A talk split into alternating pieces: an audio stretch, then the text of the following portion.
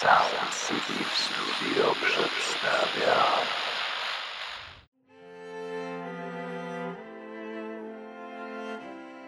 Alina Margolis Edelman. Ala z elementarza. Odcinek drugi. Pamięci Fredzi Kiełbik, dwunastoletniej pielęgniarki w warszawskim getcie. Fredzia W naszym najmłodszym zespole była Fredzia Kiełbik. Matka Fredzi była pielęgniarką, ale bardzo szybko umarła na tyfus. Ojciec był złamanym, chorym, wygłodniałym człowiekiem. Dyrektorka własnoręcznie zmieniła datę urodzenia Fredzi tak, aby mimo swoich nieskończonych 13 lat mogła stać się uczennicą szkoły.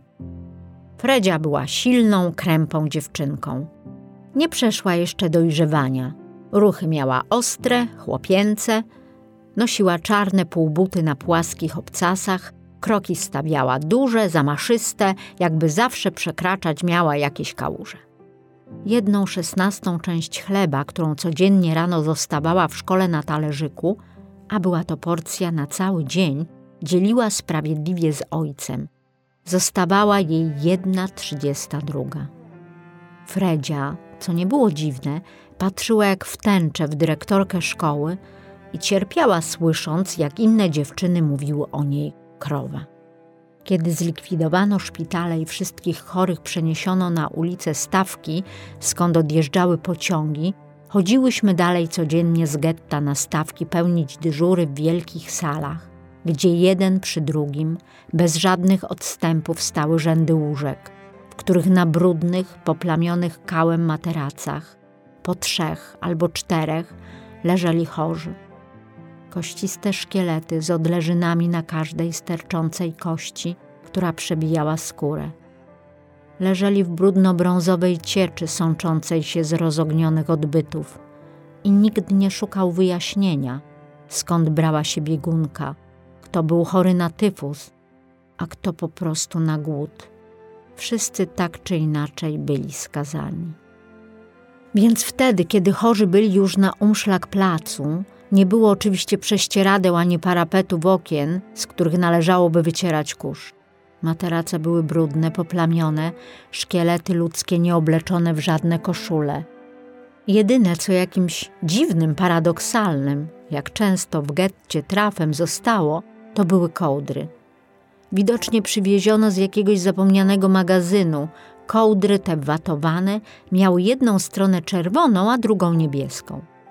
Dyrektorka szkoły, przychodząc niezmiennie trzy razy na dobę na inspekcję szpitala, żądała twardo, aby kołdry były ułożone na przemian. Strona czerwona na górze na jednym łóżku, niebieska na drugim. W tym czasie uczennic szkoły nie pozostało już wiele. Większość podzieliła los chorych i wszystkich innych mieszkańców getta. Różowe sukienki nie ostały się w łapankach. Zgnanego ku wagonom tłumu nie sposób było się wydostać, nawet jeśli się miało kartkę z tak zwanego szpitala. Wśród tych, które jeszcze trwały, była Fredzia. Uczennic było tak mało, że w nocy jedna tylko zajmowała się tymi wszystkimi umierającymi chorymi, a było ich stu, dwustu, trzystu. Trudno nawet było ustalić. Dyrektorka zjawiała się nadal, niezmiennie, o szóstej rano. Szła przez getto w godzinie nasilonych łapanek na ulicach, tuż przed odjazdem pociągów, w czasie, kiedy każda głowa była cenna dla policjanta, który miał dostawić na plac siedmiu Żydów dziennie. Punktualnie o szóstej wchodziła na salę i sprawdzała, czy wszyscy chorzy mieli dokonaną ranną toaletę. Ranna toaleta polegała na nacieraniu pleców octem albo czym się dało i posypywaniem ich talkiem, który o dziwo był. Fredzia masowała co noc 60, 100, 200 pleców, przesuwając łóżka, żeby dostać się do chorych, przesuwając szkielety, żeby dotrzeć do każdego, po czym układała na nich kołdry. Czerwona niebieska, czerwona niebieska. Zaczynała o drugiej, trzeciej nad ranem – i kiedy o szóstej rano dyrektorka wkraczała na salę, w tej swojej granatowej dyrektorskiej pelerynie, podbitej czerwoną materią i w sztywno wykrochmalonym czepku z czarnym paskiem, można było na chwilę zapomnieć, że wokół odbywało się najdramatyczniejsze w historii wysiedlanie, że złapani ludzie właśnie zapełniali wagony, że gromady wpędzano na plac, a ogłupiałe matki targały walizy, upuszczając dzieci. Kiedy następna dzienna zmiana przychodziła na dyżur, okazywało się, że z tych, którzy właśnie zostali wymasowani przez Fredzie, wielu już dawno nie żyło i było powoli sztywniejącymi trupami, czego nikt nie zauważył, ani Fredzia, ani, co nic dziwnego, sąsiedzi z tego samego łóżka. Pewnego dnia zabrakło kontyngentu i Ukraińcy wpadli na salę pochorych. Fredzia nie schowała się nigdzie. Mogła łatwo wczołgać się pod rząd łóżek. Wszystko odbyło się przecież w mgnieniu oka. Ale się nie wczołgała. I tak skończyło się życie Fredzi Kiełbik, która mając 12 lat została prawdziwą pielęgniarką i która poszła do wagonów z ostatnimi chorymi z umszlak placu zupełnie tak samo jak Janusz Korczak. Do ostatniej chwili na posterunku, chciałoby się prawie powiedzieć. Tylko, że o Fredzi nigdy, nigdy nie napisał ani słowa.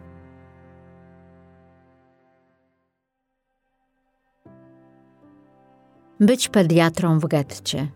Moja mama. Moja mama była pediatrą, pracowała w getcie bez wytchnienia i została w getcie, dopóki ostatnie dziecko w szpitalu mogło jeszcze jej potrzebować.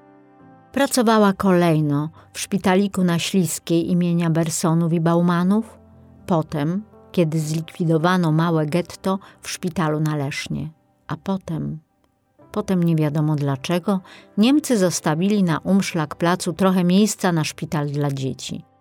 Nie był to oczywiście żaden szpital, tylko umieralnia, ale przynajmniej dzieci mogły umierać w łóżkach, po dwoje, troje, czworo w jednym, niektóre na podłodze. Prawie wszystkie miały biegunkę. Oddychały bardzo prędko i wyglądały jak brudne, wysuszone woskowe lalki. Pośród tych dzieci była jedna cztero czy pięcioletnia dziewczynka, córeczka pielęgniarki, która pracowała z moją mamą w kropli mleka, kiedy jeszcze była w getcie kropla mleka. Ta pielęgniarka, nie młoda już, była zupełnie samotna. Jedyne, co jej się zdarzyło w życiu dobrego, to była ta mała dziewczynka, Renia czy Reginka. Ta właśnie Renia czy Reginka leżała teraz w jednym z brudnych łóżeczek na górnym piętrze budynku przy umszlak placu i czekała z innymi dziećmi na dzień czy godzinę, kiedy zabiorą ją do wagonów. Jej mamy oczywiście przy niej nie było. W tym piekielnym kotle nie było mowy o tym, żeby być przy swoim dziecku. Gdyby szpital był prawdziwym szpitalem, a Reginka była normalnie leczona, nie było powodu, żeby miała umierać. Ale na umszlak placu problem przedstawiał się inaczej. Nie było pewne, czy zdąży umrzeć na czas. Mogła nie zdążyć i zostać wrzuconą do wagonu. Zdążyła. Dowiedziałam się o tym już po akcji. Wracając do naszego pokoju w mieszkaniu na czwartym piętrze, zobaczyłam mamę Reginki klęczącą przed moją mamą i całującą ją po rękach. Bo moja mama wstrzyknęła Regince swoją morfinę. Dziś wszyscy już o tym wiedzą, więc nie ma po co powtarzać, że morfina i cyjanek miały wtedy wagę złota, że tylko wybrani mieli do nich dostęp i że mała ampułka w kieszeni dawała cudowne poczucie bezpieczeństwa, asekurację, możliwość ucieczki w każdym momencie. Oddać komuś swoją morfinę lub cyjanek znaczyło zrezygnować z własnej spokojnej śmierci w wybranej przez siebie chwili i wybranie drogi krzyżowej – która czekała wszystkich innych. Serce żydowskiej matki. Przyjaciele moich rodziców mieli willę w Grotnikach pod Łodzią. Jeździliśmy tam czasem w niedzielę z różnymi znajomymi. Nie znosiłam tych niedziel. Zaczynały się zawsze tak samo. Ale urosła! Niedługo przerośnie mamę. A miałam sześć lat. Tylko dlaczego jesteś taka chuda? Nie dają ci jeść? Za to oczy ma coraz większe, będzie czarować, oj, będzie czarować. Potem dorośli rozmawiali, grali w karty, na fortepianie. Ja nudziłam się śmiertelnie. Na wiosnę było lepiej, kiedy było ładnie. Mogłam bawić się w ogrodzie. Pani domu była miłą, łagodną, postawną, mocno otyłą blondynką. Pana nie pamiętam. Mieli syna jedynaka, Olesia. Był ich oczkiem w głowie, cały świat kręcił się wokół niego. Mama opowiadała mi potem, że kiedy Oleś zdał maturę, na same piątki oczywiście, dostał powołanie do wojska. Dla jego mamy świat się zawalił. Było nie do pomyślenia, żeby jej wypieszczony, wychuchany syn trafił do ordynarnych koszar między ogolonych rekrutów, gdzie na jego los nie miała już żadnego wpływu. Do tego był to okres brutalnego, ulicznego antysemityzmu. Oleś miał czarne włosy i oczy i nie ulegało wątpliwości, że padnie ofiarą szykan kaprali i kolegów. Mama Olesia poruszyła wszystkie nieba i wszystkie ziemie. Zdobyła dziesiątki zaświadczeń wskazujących, że jej syn żadną miarą nie nadawał się do służby wojskowej. Pewnego wieczoru, jedliśmy właśnie kolację, mama Olesia zjawiła się w naszym domu. W ręku trzymała małe pudełko, które podała mojej mamie. W pudełku był owalny pierścionek. Duże oczko pierścionka składało się z nałożonych jedne na drugie granatów. Granaty miały kolor ciemnego czerwonego wina. Przypominały kiść dojrzałych czerwonych winogron. Błyszczały tak, jakby w każdym kamyczku znajdowała się mała żywa iskierka. Ale dlaczego? spytała moja mama. Ze szczęścia, odpowiedziała mama Olesia to serce żydowskiej matki. Olesia zwolnili z wojska. Jego mama stała przed nami i w oczach miała prawdziwe łzy radości. Nigdy więcej nie widziałam później takich łez. Olesia spotkałyśmy po paru latach w warszawskim getcie. Wojna przerwała mu studia prawa, był urzędnikiem w gminie żydowskiej. Był sam. Rodzice zginęli zaraz na początku w łódzkim getcie. Miał więc już za sobą to, co dopiero czekało tylu innych. Można by nawet zaryzykować stwierdzenie, że w tych okolicznościach był w sytuacji uprzywilejowanej. Po pewnym czasie przeszła przez getto wiadomość, że urzędnicy gminy żydowskiej i ich rodziny dostaną specjalne glejty, które zabezpieczą ich przed wywiezieniem. Co pewien czas przebiegały przez getto jak wiatr powtarzane z ust do ust takie niesprawdzone wieści, w które wszyscy natychmiast wierzyli. Nie było to dziwne. Niosły nadzieję. Wiadomość o zabezpieczeniu rodzin urzędników spowodowała natychmiast falę ślubów. Każdy mężczyzna pracujący w gminie mógł stać się poręką na życie. Kobiety młode i stare znajdowały w ciągu kilku godzin partnera. Kilkunastoletnim dziewczynkom fabrykowano na prędce papiery z dorosłą datą urodzenia. Nic dziwnego, że moja mama zorganizowała szybko mój ślub z Olesiem. Oleś wydał mi się starszym panem, zwłaszcza, że miał już wyraźnie zaczynającą się łysinę. Nie pamiętam, jak to się odbyło. Pamiętam tylko, że uśmiechnął się do mnie, pogłaskał mnie po głowie i zniknął. Nie zwróciłam na to uwagi. Po kilku dniach znaleziono go powieszonego na strychu budynku, w którym mieściła się gmina. Mama nie rozstawała się z pierścionkiem, nosiła go zawsze. Zdumiewające, ale zachowała go i w getcie, i w powstaniu warszawskim. Kiedy ludzie pytali ją, co to za piękny pierścień, uśmiechała się łagodnie i odpowiadała: To serce żydowskiej matki. Skończyła się wojna i wróciłyśmy do naszego domu z ogródkiem.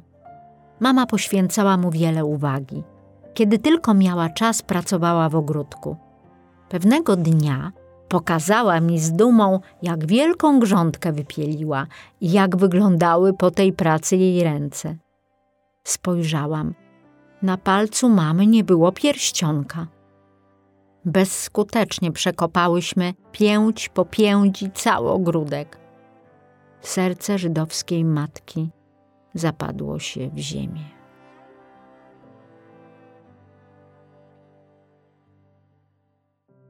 Peleryna. W mojej klasie w szkole podstawowej, którą wtedy nazywano szkołą powszechną, była Klara. Klara była wyjątkowo brzydką dziewczynką. Była chyba najbrzydsza ze wszystkich dzieci, jakie kiedykolwiek widziałam. Miała podłużną twarz, rybie, wypukłe oczy o nieokreślonym kolorze i duży, wystający, jakby złamany na pół nos. Wystawał z tej jej chudej twarzy i przyciągał całą uwagę. Na dodatek Klara miała bardzo śmieszne nazwisko. Nazywała się Studni Porek. Nie bawiłyśmy się z nią nigdy na przerwach. Nie przez tę brzydotę, nie przez to śmieszne nazwisko oczywiście, ale dlatego, że Klara była inna niż my wszystkie. Chodziła zawsze z książką w ręku. Książkę wypożyczała codziennie w szkolnej bibliotece na przerwie i kiedy wychodziła ze szkoły, czytała ją na ulicy. Pani od biblioteki wezwała jej mamę i powiedziała jej, że nie będzie pożyczać Klarze książek do domu, bo boi się, że Klara wychodząc ze szkoły i czytając na ulicy wpadnie pod samochód. I kto za to będzie odpowiadał? Ale to nic nie pomogło, bo Klara zapisała się do czytelni koło swojego domu, aż dziwne, że zapisali tam dziesięcioletnią dziewczynkę, i tyle tylko się zmieniło, że czytała teraz książki idąc w kierunku szkoły. Po jakimś czasie pani z czytelni zawezwała mamę Klary i powiedziała jej, że Klara przeczytała już wszystkie książki dla dzieci ze szkoły powszechnej i wszystkie książki dla młodzieży starszej. A teraz wybrała sobie książkę Prusta, która z pewnością nie jest dla niej. Nie wiem nawet, skąd się o tym dowiedziałyśmy, ale wcale nie wzbudziło to naszego szacunku dla Klary Studni Porek, która na przerwach dalej siedziała sama jedna w kącie ze swoim dużym nosem schowanym w kartkach książki. Mama Klary była małą, źle ubraną kobieciną. Miała sklepik spożywczy niedaleko szkoły i chyba nigdy nie przeczytała innej książki niż elementarz, z którego nauczyli ją czytać. Zaczęła się wojna i nie widziałam więcej Klary, tak jak zresztą żadnych innych dziewczynek z klasy. Któregoś dnia, a było to już w warszawskim getcie, wracałyśmy ze szpitala na Lesznie do internatu szkoły pielęgniarstwa. Nagle pod murem jakiegoś domu zobaczyłam Klarę. Nie miałam żadnej wątpliwości, że to była ona. Takiego nosa nie miał nikt inny na świecie. Była przeraźliwie chuda i nos wydawał się dwa razy większy. Przykucnięta pod murem, ściskała w ramionach książkę. Przytulała ją do siebie i patrzyła na nią bez żadnego wyrazu. Zatrzymałam się. Dziewczyny poszły już dalej i zobaczyłam, że Klara trzęsie się z zimna. Narzuciłam na nią moją ciepłą pelerynę uczennicy szkoły. Pomyślałam, że muszę prędko przynieść jej choćby gorącej wody. Jedzenia nie było już w szkole żadnego. Pobiegłam najszybciej jak mogłam. Dyżurna dała mi tę gorącą wodę, wróciła mi. Klara leżała na brudnym bruku ulicy. Peleryny nie było. Ktoś ją zabrał. Schyliłam się nad nią. Jej sztywne, chude ramiona ściskały książkę. Była to Iliada. Klara umarła. Zastanawiam się czasem, czy miała lepszą śmierć przez tę moją ciepłą pelerynę? Pierwsze wyjście z getta. Kiedy skończyła się wielka akcja, mama wysłała mnie z getta. Nie pamiętam nawet, jak to się stało, że pewnego dnia nad ranem, jeszcze było zupełnie ciemno, znalazłam się wśród mężczyzn, których żandarm wyprowadzał do pracy poza gettem. Mieli specjalne przepustki. Sprawdzanie trwało długo. Jeżeli opłaciło się policjanta i żandarma, to czasem mogło się udać i można było w ten sposób wyjść z getta. Nazywało się to wyjść z placówką. Po aryjskiej stronie trzeba było zręcznie odłączyć się od grupy, uniknąć szmalcowników i zniknąć w polskim tłumie. Oczywiście było to możliwe tylko wtedy, kiedy się miało dokąd pójść. Miałam taki adres. Byli to sąsiedzi i przyjaciele rodziców. Profesor był z moim ojcem w obozie na Radogoszczu, potem grupę zwolnionych Niemcy wysłali do guberni generalnej. Profesor ukrywał się w Warszawie, pracował w jakimś warsztacie ślusarskim pod zmienionym nazwiskiem. Mieszkali z żoną w małym pokoiku na woli. Ten adres właśnie miałam. Nie znałam Warszawy i nauczyłam się na pamięć narysowanego planu. Zawsze błądzę, ale tym razem trafiłam gładko. W bramie nie było nikogo, nie spotkałam też nikogo na schodach. Kiedy weszłam do środka, od razu zobaczyłam śmietanę. Na oknie stała szklanka ze śmietaną przykryta małym kartonikiem. Obok doniczka z kwiatem. Kwiat kwitł. Czekali na mnie. Na stole leżał obrus w kwiatki, na obrusie talerzyk, na talerzyku biały chleb i masło. Poczułam skurcz w gardle. Usiadłam przy stole. Zadawali mi jakieś pytania. Nie odpowiadałam.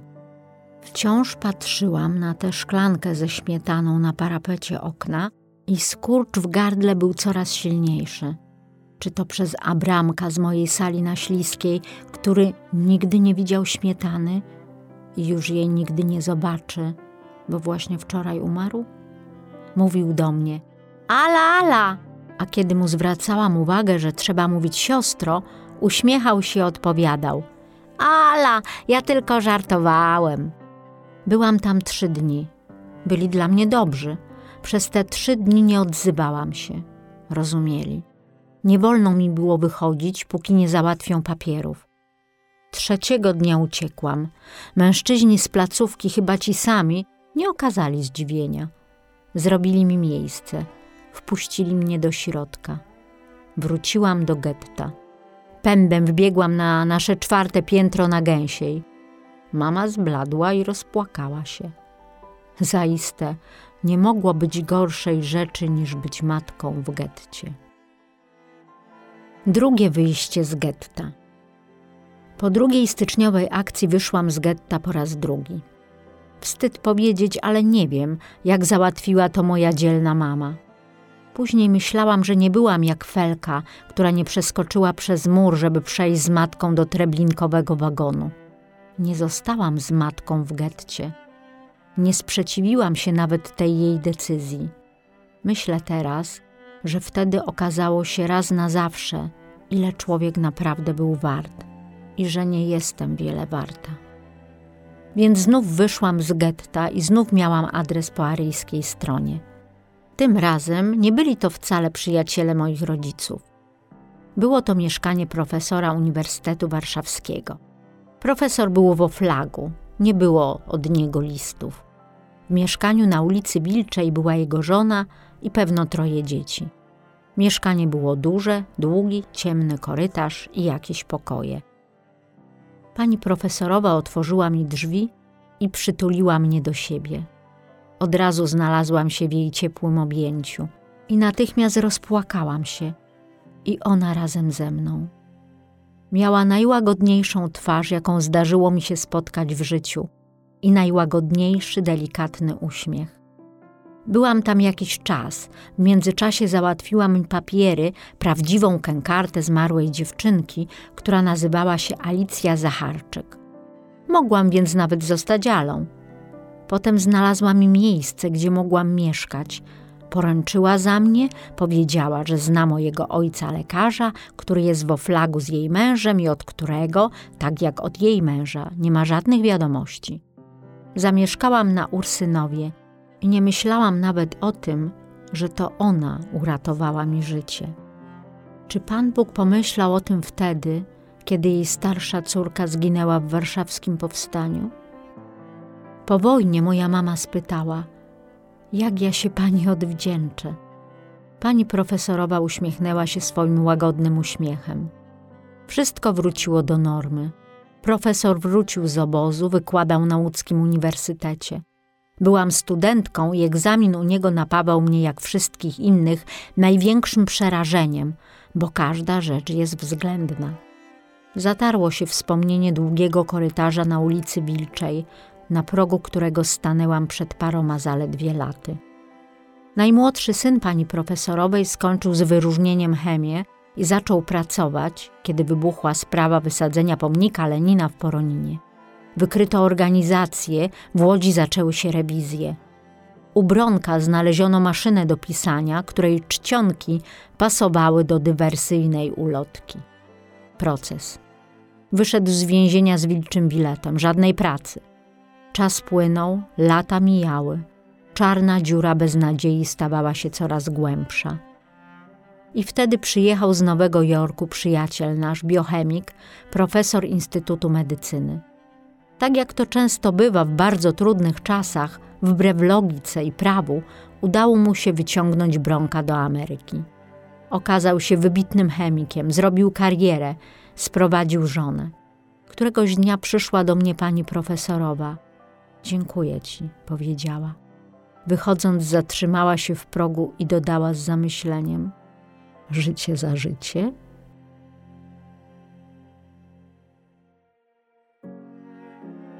Strona aryjska.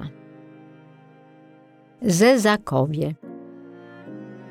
Pani profesorowa ulokowała mnie u rodziny architektów na Ursynowie. Mówię architektów, bo i pan, i pani byli architektami. Pan był chyba nawet przed wojną naczelnym architektem miasta Warszawy albo jednym z naczelnych architektów. Był przystojny, miał wąsik i nieodłączną fajkę. Pani była wysoka, nieco wyższa od pana, chuda, trochę zgarbiona. Poruszała się szybko, sprawnie. Włosy miała siwiejące, bardziej siwe niż ciemne. Najbardziej rzucało się w oczy to, że lewe jej oko uciekało jakoś na zewnątrz, nawet nie cały czas, ale sprawiało to wrażenie Zeza. Z tego powodu nazwałam ją Zezakową i tak już zostało. Potem, kiedy wprowadziła się do mnie moja przyjaciółka Zosia, całą rodzinę nazywałyśmy Zezakami. Byli to dobrzy, uczciwi, odważni ludzie i wielcy patrioci. Mieli tylko jedną wadę strasznie nie znosili Żydów. Ale ja nazywałam się przecież Alicja Zacharczyk i byłam córką polskiego oficera wywiezionego do Oflagu. Matki nie miałam. Opiekowanie się mną było poniekąd obowiązkiem patriotycznym. Zezakowie spełniali ten obowiązek bardzo sumiennie. Traktowali mnie jak córkę. Pan nazywał mnie pieszczotliwie aluetką. Miałam swój mały pokoik w suterenie tuż koło dużej kuchni. Jadałam ze wszystkimi razem przy stole i brałam udział we wszystkich rodzinnych uroczystościach jako pełnoprawny członek rodziny. Obchodziliśmy też moje imieniny. Na szczęście okazało się, że są imieniny Alicji w kalendarzu. W domu mieszkały też dwie siostry pana, stare panny, Jedna z nich, ciocia Aniela, była uosobieniem dobroci i darzyła mnie taką serdecznością, że miałam czasem nieposkromioną ochotę wszystko jej opowiedzieć. Do dziś nie mam pewności, czy nie domyślała się tego sama i znając nastroje rodziny, nie mówiła ani słowa. Zezakowie mieli dwie córki. Jedna z nich, Jaga, była w moim wieku i natychmiast się ze mną zaprzyjaźniła. Druga, Grażynka, była od nas o parę lat młodsza. Jaga była śliczna, miała falujące kasztanowe włosy, mały nos i promienny, zaraźliwy uśmiech. Grażyna była chuda jak jej matka i równie pozbawiona wdzięku. W mieszkaniu Zezaków odbywały się konspiracyjne zebrania. W wyniku tych zebrań wychodziłyśmy wszystkie trzy w nocy z kwiatami i biało-czerwonymi chorągiewkami i dekorowałyśmy groby żołnierzy na cmentarzach i miejscach straceń na ulicach. Myślałam czasem, co by na to powiedziała moja opiekunka Inka, która za każdym naszym spotkaniem nie przestawała powtarzać: Uważaj. W ogródku naszym zakopana była broń. O tym nie wolno nam było wiedzieć, ale znalazłyśmy małe okienko w piwnicy, przez które można było obserwować w nocy poruszające się cienie młodych ludzi, którzy bądź zakopywali, bądź odkopywali ledwo widoczne przedmioty. Patrząc na to, czułam się w samym środku podziemnej walki z okupantem. Byłam pełna uwielbienia dla obydwojga zezaków za to, że bez najmniejszego wahania narażali swoje córki dla sprawy. O tym, że zezakowie nie znosili Żydów, przekonałam się bezpośrednio dwa razy. Domek nasz był willą, która miała dwie bliźniacze połowy. W drugiej połowie mieszkała żona znanego polskiego generała z małym synkiem i gosposią. Mąż jej wysłany był do jakiegoś obozu i nie przychodziły od niego listy. Któregoś dnia zobaczyłam, że gosposia wsuwa się pod taras z miską klusek. Zdziwiłam się, nie hodowali żadnych zwierząt. Kiedy powtórzyło się to nazajutrz, zakradłam się pod taras od naszej połowy domu. Gosposia mnie nie widziała. Pod tarasem skuleni w ciemnym kącie siedzieli dwaj mali chłopcy. Kiedy przyzwyczaiłam się do ciemności, dostrzegłam, że są czarni. Jeden miał czapkę naciśniętą na uszy, spod niej widać było pejsy. Chciałam powiedzieć o nich Ince, nie zdążyłam. Następnego dnia gosposie zauważył pan. Kazał jej wyprowadzić dzieci. Byli mali, bardzo brudni, głowy wcisnęli w ramiona. Nie widziałam ich oczu. Pan poszedł do generałowej. Słyszałam, jak krzyczał, że nie pozwoli narażać swoich dzieci i mnie, powierzonej mu sieroty. I czy nie pomyślała o swoim synku? Nie wiem, co odpowiedziała generałowa. Nie wiem, czy wiedziała. Bezradna, zrozpaczona, patrzyłam, jak dzieci szły z panem, jeden po lewej, drugi po prawej jego stronie. Trzymał je mocno za ręce. Nie wrócili. Drugi raz to było wtedy, kiedy paliło się getto. Łunę na niebie widać było bardzo wyraźnie. Jaga powiedziała: Widzicie, jak się pali? Pan. Szkoda, że nie ma tam Tuwimesa. To był naprawdę jedyny defekt zezaków. Wielkanoc 1943 pod murami getta. Był prześliczny wiosenny dzień. 19 kwietnia 1943 roku. Świeciło słońce, wiał leciutki wiatr, w ogródkach pachniało wilgotną ziemią. Zaraz po wielkanocnym śniadaniu pojechałam do Inki. W tramwaju ludzie mówili, że Żydzi strzelają w getcie, że strzały słychać było od świtu. I mówili też, że tej nocy w Alejach Niepodległości Niemcy zabili harcerza i że trzeba tam iść i składać kwiaty. Inki nie zastałam. Pognałam pod mury, przybiegłam na bonifraterską. Na placu Krasińskich było dużo ludzi, wszyscy ubrani odświętnie, już po wiosennemu. Małe dziewczynki ze skakankami i piłkami.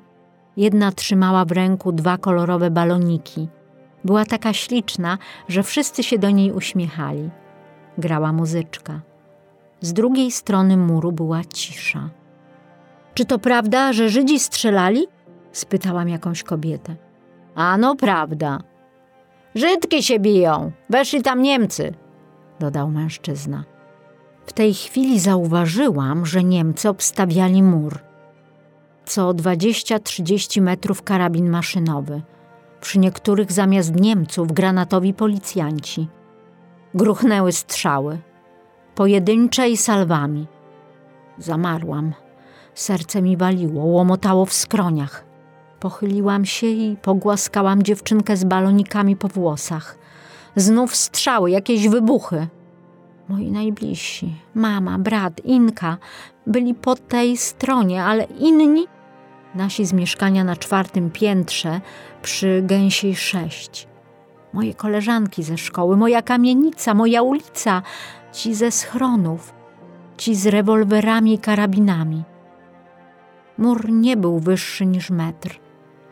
Prawie naprzeciwko mnie jakiś wyrostek wziął rozbieg, jakby skakał o tyczce, przeskoczył ten mur i wbiegł do getta. Dlaczego? Kim był? Co go popchnęło? Nikt nie zwrócił na to uwagi. Niemcy też nie. Nowe salwy, strzelanina. Około drugiej wszystko ucichło. Musiałam wracać. W domu nastrój pogodnej wiosennej Wielkanocy. Następnego dnia wróciłam pod mur, znów na bonifraterską. W oknach domu naprzeciwko zobaczyłam dwie postacie. Zdawało mi się, że widzę karabiny. Jakiś człowiek biegł po dachu. Przechodnie i gapie stawali grupkami, podnosili głowy do góry, pokazywali ich sobie palcami. Tego, co o nich mówili, nie powtórzę. Nie chcę powtórzyć. Po południu wybuchł w getcie ogromny pożar. Widać go było zewsząd. Paliły się domy. Gęsty, czarny dym buchał w górę. Całe getto stało w ogniu. Wieczorem na niebie nad gettem pojawiła się wielka, gorejąca łuna. Palą ich! Przez następne dni i noce łuna była coraz większa. W dzień walił wciąż czarny dym. Kiedy przyszłam tam znów, chyba po tygodniu, wciąż się paliło. Na Świętojerską przyjechała straż pożarna. Sikawkami próbowali gasić pożar za murem. Była obawa, że zajmą się domy po polskiej stronie. Zebrała się grupka gapiów, którzy obserwowali z odległości. Tego, co mówili, nie powtórzę. Nie chcę powtórzyć. Na dole muru widać było dziurę, jakby wyrwę. Przez tę dziurę ruchami węża czołgała się w naszą stronę dziewczyna. Teraz wszyscy gapili się na nią. Wydostała się, była cała czarna, osmolona, krzyczała tak głośno, że ją usłyszałam. Wyskoczyłam z piętra, wszyscy się spalili! Wydało mi się, że strażak odkrzyknął. Powodzenia, panienko! Za chwilę przez tłumek przebił się granatowy policjant. Chwycił ją za bark i pociągnął za sobą. Getto paliło się jeszcze długo, ale nie było słychać strzałów. Wtedy właśnie, tam pod murem, po raz pierwszy w życiu poczułam się naprawdę Żydówką. Że już na zawsze, do śmierci, zostanę z tymi żywcem zwęglonymi, z tymi uduszonymi, zagazowanymi w schronach, z tymi, co walczyli i zginęli, bo nie mogli nie zginąć, z tymi, których losu nie podzieliłam. Co było potem? Potem życie potoczyło się swoim torem.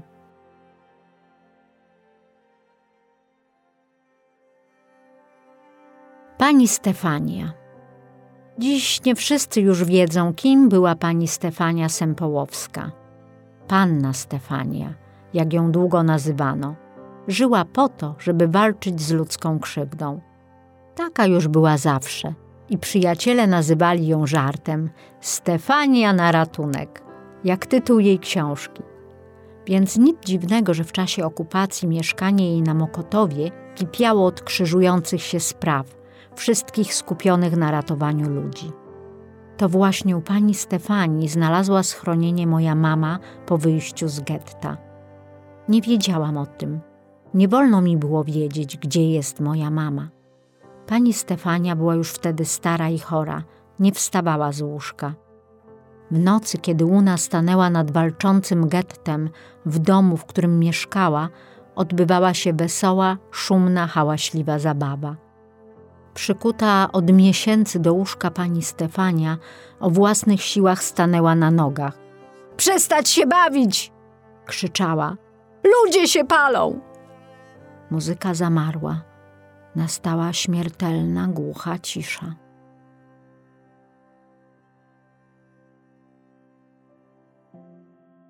Moje zapoznanie z seksem. Inka i Marysia były bardzo młode. Miały pewno 23 albo 24 lata, ale dla nas były wielkim autorytetem. Dawały nam jakieś poczucie bezpieczeństwa, poczucie, że w razie czego jest kogo prosić o pomoc. Inka i Marysia zajmowały się ukrywającymi się w Warszawie Żydami. Wynajdywały mieszkania, przeprowadzały do nich Żydów, którzy wyszli z getta. Dostawały z Londynu pieniądze i co miesiąc płaciły za tych Żydów właścicielom mieszkań. Musiały bardzo tego przestrzegać, żeby nie zdarzyło się tak, że z powodu opóźnienia w opłacie ktoś zostanie wyrzucony na ulicę. Jeżeli mieszkanie spaliło się, musiały natychmiast, często w ciągu paru godzin, znaleźć inne i przeprowadzić tam zagrożonych. Wiele istnień zależało od ich sprawności. Jak na tak młode dziewczyny, była to praca ogromnie odpowiedzialna. Pokój, w którym mieszkały, był zakonspirowany, zresztą cały czas spędzały poza domem. Tego dnia przyszłam do Inki po południu. Chciałam koniecznie z nią porozmawiać. Nie było jej w domu. Czekałam długo pod drzwiami, zeszłam na dół, żeby nie zwracać uwagi. Znów wróciłam. Czas płynął. Robiło się ciemno. Inka przyszła tuż przed godziną policyjną. Była bardzo zła, kiedy zobaczyła mnie na korytarzu. Nie było rady. Musiałam zostać na noc. Położyłyśmy się na tapczanie. Po godzinie, może dwóch, ostre pukanie do drzwi. Jednym ruchem wsunęłam się pod tapczan. Inka zagarnęła papiery ze stołu, wcisnęła je za kaloryfer. Pukanie powtórzyło się, jeszcze ostrzejsze. Zdawało mi się, że czas stanął i zarazem, że upłynęły wieki. Starałam się nie oddychać. Zaschło mi w gardle. Usłyszałam otwarcie drzwi. Za drzwiami stał Zenon. Był chyba pijany, podśpiewywał. Zenon był postacią legendarną. Przed wojną był szefem żydowskich bojówek, które broniły Żydów przed napaściami i które pokazywały, że Żydzi także potrafią się bić.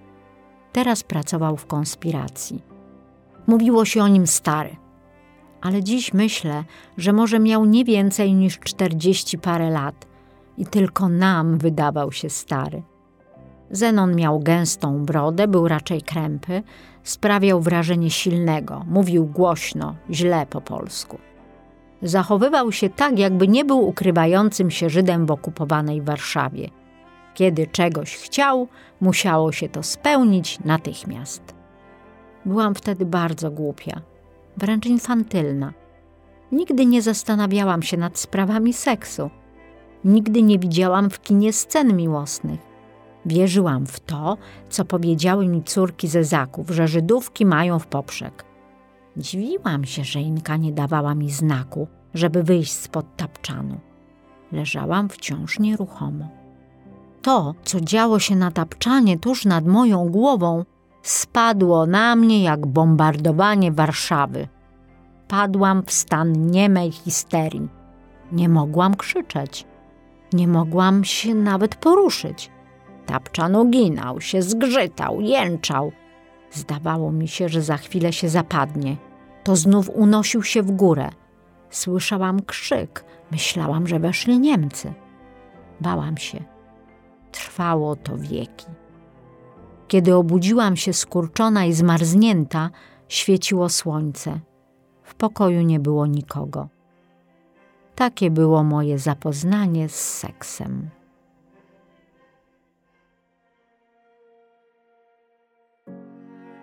Renia, czyli Zosia. Zosię znałam z getta. Była pomocnicą pielęgniarki w szpitalu dziecięcym na Śliskiej. Nikt nie wiedział, że ma dopiero 15 lat. Zresztą nie miało to wówczas znaczenia. Zosia nazywała się wtedy Renia Feldman i wszyscy nazywali ją RF. RF to były takie igły do zastrzyków rekord. Renia była bardzo ładna. Miała ciemne, krótkie włosy i niebiesko-zielone oczy, niezupełnie symetryczne, jedno nieco węższe od drugiego. Nadawało to jej twarzy coś intrygującego. Gdyby nie wyraz tych oczu, przeraźliwie smutny, nikomu nie przyszłoby do głowy, że jest Żydówką. Była wyrośnięta ponad wiek i bardzo podobała się młodym lekarzom. Ale Renia miała w getcie swoją wielką miłość. Była zakochana i to z wzajemnością w młodym chirurgu. Był on lekarzem na kolonii szkolnej w ostatnim roku przed wojną i tam poznał Renię, jeszcze dziecko, uczestniczkę kolonii. Ta miłość trwała już długo. Renia dorosła, stawała się dziewczyną. W getcie, gdzie znaleźli się oboje, byli prawie nierozłączni. W ogóle w getcie bardzo dużo zakwitało wtedy miłości. Młodzi ludzie, starsi ludzie, chłopcy, dziewczynki, dzieci prawie potracili już na ogół rodziny i szukali w miłości jakiegoś oparcia, odskoczni od codziennej, koszmarnej grozy. Bieg nie odgrywał roli. Widywało się pary o ogromnej różnicy lat. Nikogo to nie dziwiło. Byle być razem. Któregoś dnia stałyśmy wszystkie przy oknie w szpitalu. Okno wychodziło na śliską. Środkiem ulicy szli na umszlak plac wyciągnięci z domów ludzie. Niemcy poganiali ich, popychali karabinami. Nagle Renia krzyknęła. Na końcu kolumny szli jej rodzice i mała siostrzyczka Helenka. Znałam Helenkę. Była smutnym, chudym, ośmioletnim dzieckiem, oczkiem w głowie niemłodych rodziców. Matka trzymała ją mocno za rękę. Przechodząc koło szpitala, zatrzymała się na chwilę i podniosła głowę. Niemiec uderzył ją kolbą. Zamarłyśmy. Ścisnęłam z całej siły ramię Reni. Nic nie można było zrobić. Wiedziałyśmy, że Renia nigdy więcej nie zobaczy rodziców i Helenki. Od tego czasu miała już tylko Henryka. Nie bardzo długo potem Niemcy wprowadzili numerki życia. Wtedy wszyscy myśleli, że to rzeczywiście uratuje im życie. Numerków było mało. Rozdzielać je mieli sami Żydzi. Numerki dla pracowników szpitala rozdzielała naczelna, pani doktor Braude Hellerowa. Ludzie sami zmusili ją do tego rozdzielania. Tak jej wierzyli, że nie zrobi świństwa, że nie da numerków swoim bliskim i przyjaciołom. Mieli rację. W tym dniu wszyscy stali na jakimś małym podwórku i czekali na to, komu naczelna przydzieli numerek, a kto pójdzie na umszlakplac. Wtedy ostatni raz zobaczyłam Renię. Stała przytulona do Henryka, wspięta na palce obejmowała za szyję, a on głaskał ją po głowie. Potem spotkałam Renię któregoś dnia po aryjskiej stronie, kiedy sprzedawałam kajmaki. W pierwszej chwili nie poznałam jej. Była tak samo chuda, bardzo blada, ale coś zmieniło się w jej twarzy, jakby nie było w niej żadnej mimiki, żadnego wyrazu. Nie rzuciłyśmy się sobie w ramiona. Udawanie było już moją drugą naturą. Renia, czyli już Zosia, wyskoczyła przez mur i nikt, ale to nikt nie zwrócił na to uwagi. Poszła prosto przed siebie. Miała adres znajomych, którzy przed wojną mieli antykwariat, podobnie jak jej rodzice. Została u nich trzy dni. Potem nie miała co ze sobą zrobić. Kiedy mnie spotkała, szła właśnie w stronę muru. Chciała wrócić do getta albo żeby ją zastrzelili jak najprędzej. Zaprowadziłam Zosię do Zezaków. Powiedziałam im, że spotkałam ją na ulicy, że jej ojciec, oficer, chirurg z Łodzi, zginął na początku wojny, a matkę Niemcy wywieźli na roboty. Zosia przyjechała sama do Warszawy do cioci i okazało się, że ciocia wyjechała z Warszawy i nie zostawiła adresu. Jak już mówiłam, Zezakowie byli wyjątkowo porządnymi ludźmi i wielkimi patriotami. Nie było dla nich dopuszczalne, żeby córka polskiego oficera nie miała się gdzie podziać w Warszawie. Zosia została ze mną. Mieszkałyśmy obydwie w moim pokoiku koło kuchni w suterenie. Spałyśmy w jednym łóżku. Życie moje stało się inne. Nie byłam już sama i był ktoś, kto wszystko o mnie wiedział. Jak gdyby spadła ze mnie dusząca zmora. Nagle stałam się, obydwie stałyśmy się zwyczajnymi, wygłupiającymi się smarkatymi. Jak gdyby coś się zmieniło, chociaż naprawdę Nic się nie zmieniło. Pewnego dnia przyjechał najmłodszy brat pana.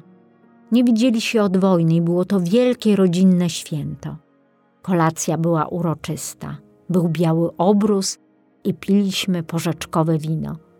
Oczywiście stałyśmy się obydwie punktem zainteresowania gościa, który wypytywał nas o różne szczegóły naszego życia przed wojną i sprzed przyjazdu do Warszawy. Wyszłam z tego obronną ręką, wszystko było proste i nie budziło wątpliwości. Natomiast Zosia, jak to się jej często zdarzało, dała się ponieść fantazji. Opowiedziała, że brat jest jej lotnikiem i że znajduje się w Anglii. Na nieszczęście okazało się, że wuj był także lotnikiem. Spytał Zosię: A czy twój brat już się wylaszował? Struchlałam. Zosia zawahała się. Każda nieścisłość mogła okazać się groźna w skutkach. Nagle znalazłam wyjście. Spytałam po prostu: A co to znaczy, proszę pana, e, wylaszować się? Byłyśmy uratowane. Innym razem, któregoś wieczoru, tuż przed godziną policyjną, Inka przyprowadziła Dawida. Do mieszkania, w którym się ukrywał, przyszli Niemcy. Nie miał gdzie spędzić nocy. U nas nie było praktycznie ryzyka. Do pokoiku w suterenie nikt z domowników nie zaglądał. Nazajutrz o świcie miała go zabrać. Dawid wyglądał jak pięciu Żydów razem wziętych. Miał kręcone czarne włosy, czarną brodę i do tego okropnie źle mówił po polsku. Zachowywał się przy tym głośno, jakby nie trzeba było wcale uważać. Zamknęłyśmy pokój i poszłyśmy na górę na kolację. Nie wiadomo dlaczego byłyśmy w szampańskich humorach. W pewnej chwili Zosia powiedziała: Czy wiesz, Jaga, że u nas w pokoju siedzi Żyd? A jak sztusząc się ze śmiechu dodałam: Żyd z wielką brodą i pocałował Zosię. Jaga spojrzała na Zosię, która była jej idolem, jak to bywa u podlotków, i z całą powagą oświadczyła: Zosiu, gdyby to była prawda, to, to ja, to, to ja, to ja się zabiję. Wszyscy się roześmieli. Pani powiedziała: Alinko, znów niedokładnie umyłaś łyżeczki.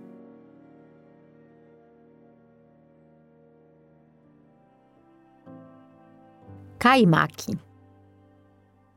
Do obowiązków moich należało pomaganie pani w zajęciach domowych i przygotowywanie kajmaków. Kajmaki były praktycznie jedynym źródłem utrzymania całej rodziny. Robiło się je z mleka i cukru.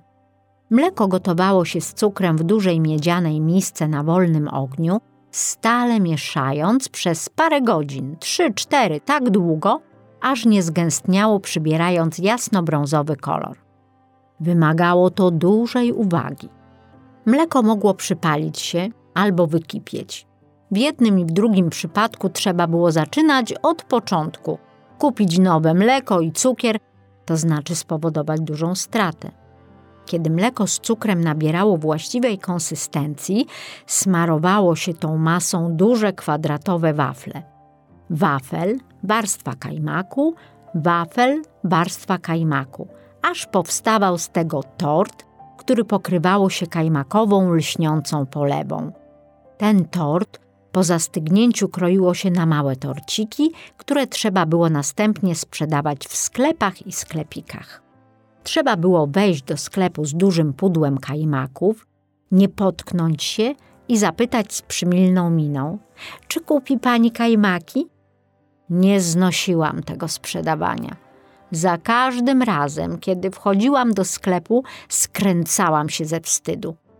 Nigdy jednak nie wpadło mi do głowy, że kiedy tak kręcę się po Warszawie, ktoś mógłby poznać we mnie Żydówkę. Któregoś dnia jechałam tramwajem przez ulicę Miodową z wielkim pudłem kajmaków. W tramwaju był tłok. Stałam na platformie tuż przy wyjściu i pudło trzymałam na zewnątrz w otwartych drzwiach. Nagle na ulicy zobaczyłam Henryka. Nie wiedziałyśmy zupełnie, co się z nim stało. Nie wiedziałyśmy, czy został w getcie, czy udało mu się wydostać.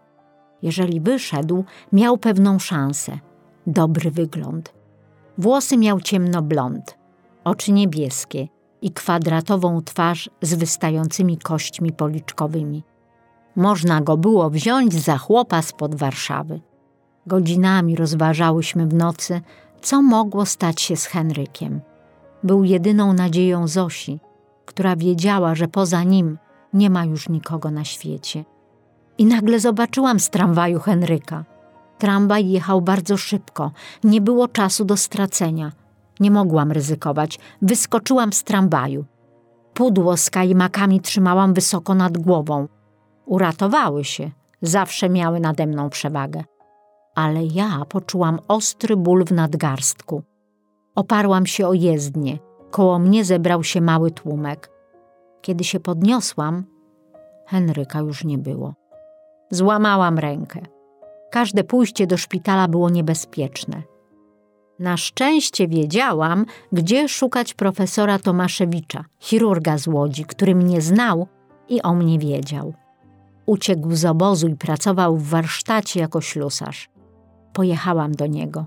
Unieruchomił mi rękę na dłuższy czas. Z biegiem czasu nawiązał się wyraźny, negatywny stosunek między mną a kajmakami. Kajmaki były złośliwe. Robiły mi na złość, a ja ich nienawidziłam. Wystarczyło, że odeszłam na chwilę od mosiężnej misy i już natychmiast kipiały. Najgorzej było, kiedy czytałam Anię z Zielonego Wzgórza.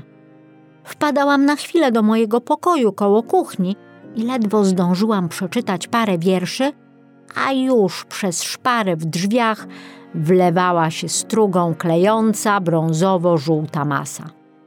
Nie dość, że musiałam wtedy jak najszybciej, zanim przyjdzie pani, wsypać nowy cukier i wlać nowe mleko, ale jeszcze musiałam na kolanach zbierać tę nienawistną masę kajmakową, która właziła we wszystkie szpary, a podłoga w moim pokoju była jak na złość, z podłużnych desek ze szparami, jakby specjalnie. Szpara, deska, szpara, deska, szpara, deska. Cukier i mleko trzeba było odkupywać tak, żeby Zezakowa się nie spostrzegła. Pochłaniało to prawie wszystkie moje zasoby. Największy ruch był przed świętami. Wtedy torty kajmakowe porozkładane na dużych arkuszach papieru zajmowały cały dom.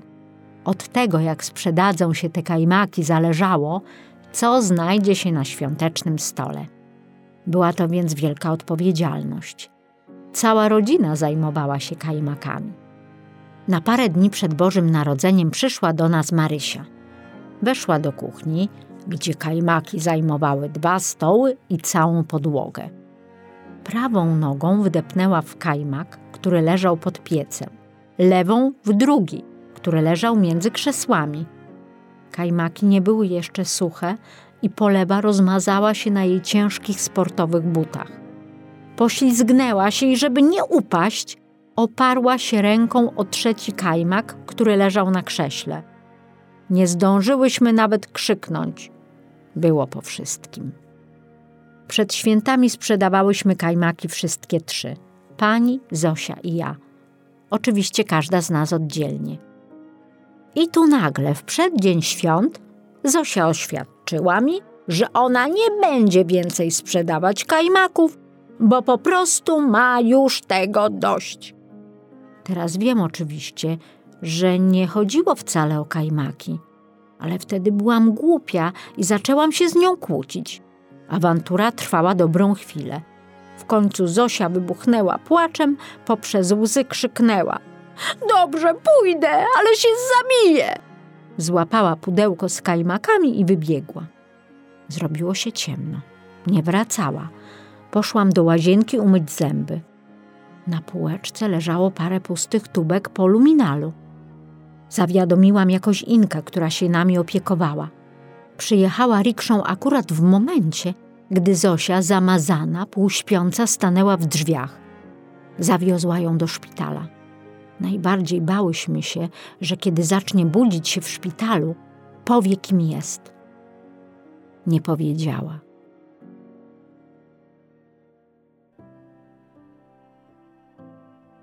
Górale.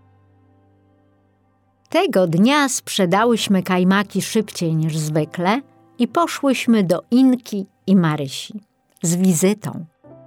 Był to głupi i niebezpieczny pomysł. Mieszkanie było zakonspirowane i poza nagłymi przypadkami nikt nie powinien tam przychodzić. Ale my bardzo często robiłyśmy niepotrzebnie głupie i niebezpieczne rzeczy, jak na przykład to, żeby jeździć tramwajem w pierwszym wagonie Nur für Deutsche. W domu była sama Marysia. Oczywiście nawymyślała nam, ale okazało się, że jednak możemy się przydać, bo ktoś miał przynieść coś i dzięki naszej obecności mogła wyjść, a bardzo się śpieszyła. Zostałyśmy więc same. Napiłyśmy się herbaty i zjadłyśmy wszystkie ciasteczka. Było nam wesoło i nie myślałyśmy o niczym. Potem przyszedł ten ktoś i przyniósł to coś, i nagle okazało się, że jest już bardzo późno i od pół godziny powinnyśmy być w domu. Złapałyśmy jakąś grubą książkę z okna, żeby nam starczyło na tydzień czytania. Inka i Marysia zawsze miały dobre książki. I pognałyśmy do tramwaju. Tym razem wsiadłyśmy do drugiego wagonu. Był straszliwy tłok. Ludzie wisieli na stopniach, a w środku był taki ścisk, że wydawało się, że za chwilę pękną mi żebra. Tymczasem na każdym przystanku wsiadali nowi i nowi. Nagle usłyszałam syczący szept Zosi. Schyl się! Szybko! Przez chwilę myślałam, że straciła przytomność, ponieważ ludzie zadusili ją i jej mózg nie miał czym oddychać. Potem jednak zobaczyłam, że obsuwa się coraz niżej i niżej, już jej głowa znalazła się na wysokości ramion, piersi tłumu i wreszcie zniknęła zupełnie w miejscu, w którym stała, zrobiła się nagle dziura. I znów ten syk. Schyl się! Wyciągnęłam szyję, żeby zmniejszyć głowę, skuliłam ramiona, wciągnęłam brzuch i zaczęłam zsuwać się między sprasowanymi ludzkimi ciałami. Nad sobą słyszałam przekleństwa i wymyślania, ale na podłodze tramwaju u moich stóp leżały rozsypane i w kubkach świeżutkie, szaroniebieskie banknoty 500 złotowe, zwane w Warszawie góralami. Jednocześnie zobaczyłam Zosię, która gorączkowo zbierała te banknoty. I znów syczący szept. Zbieraj szybko, wpychaj za bluzkę i wysiadamy. Był to wyczyn trudny do wykonania. Już samo zbieranie w tym okropnym tłoku między ludzkimi nogami było prawie niemożliwe. Ale przepchnięcie się do przodu tramwaju do wyjścia, byłyśmy w samym środku, wydawało się zupełnie niemożliwe. Wynurzyłam się na powierzchnię i zaczęłam przepychać się do przodu.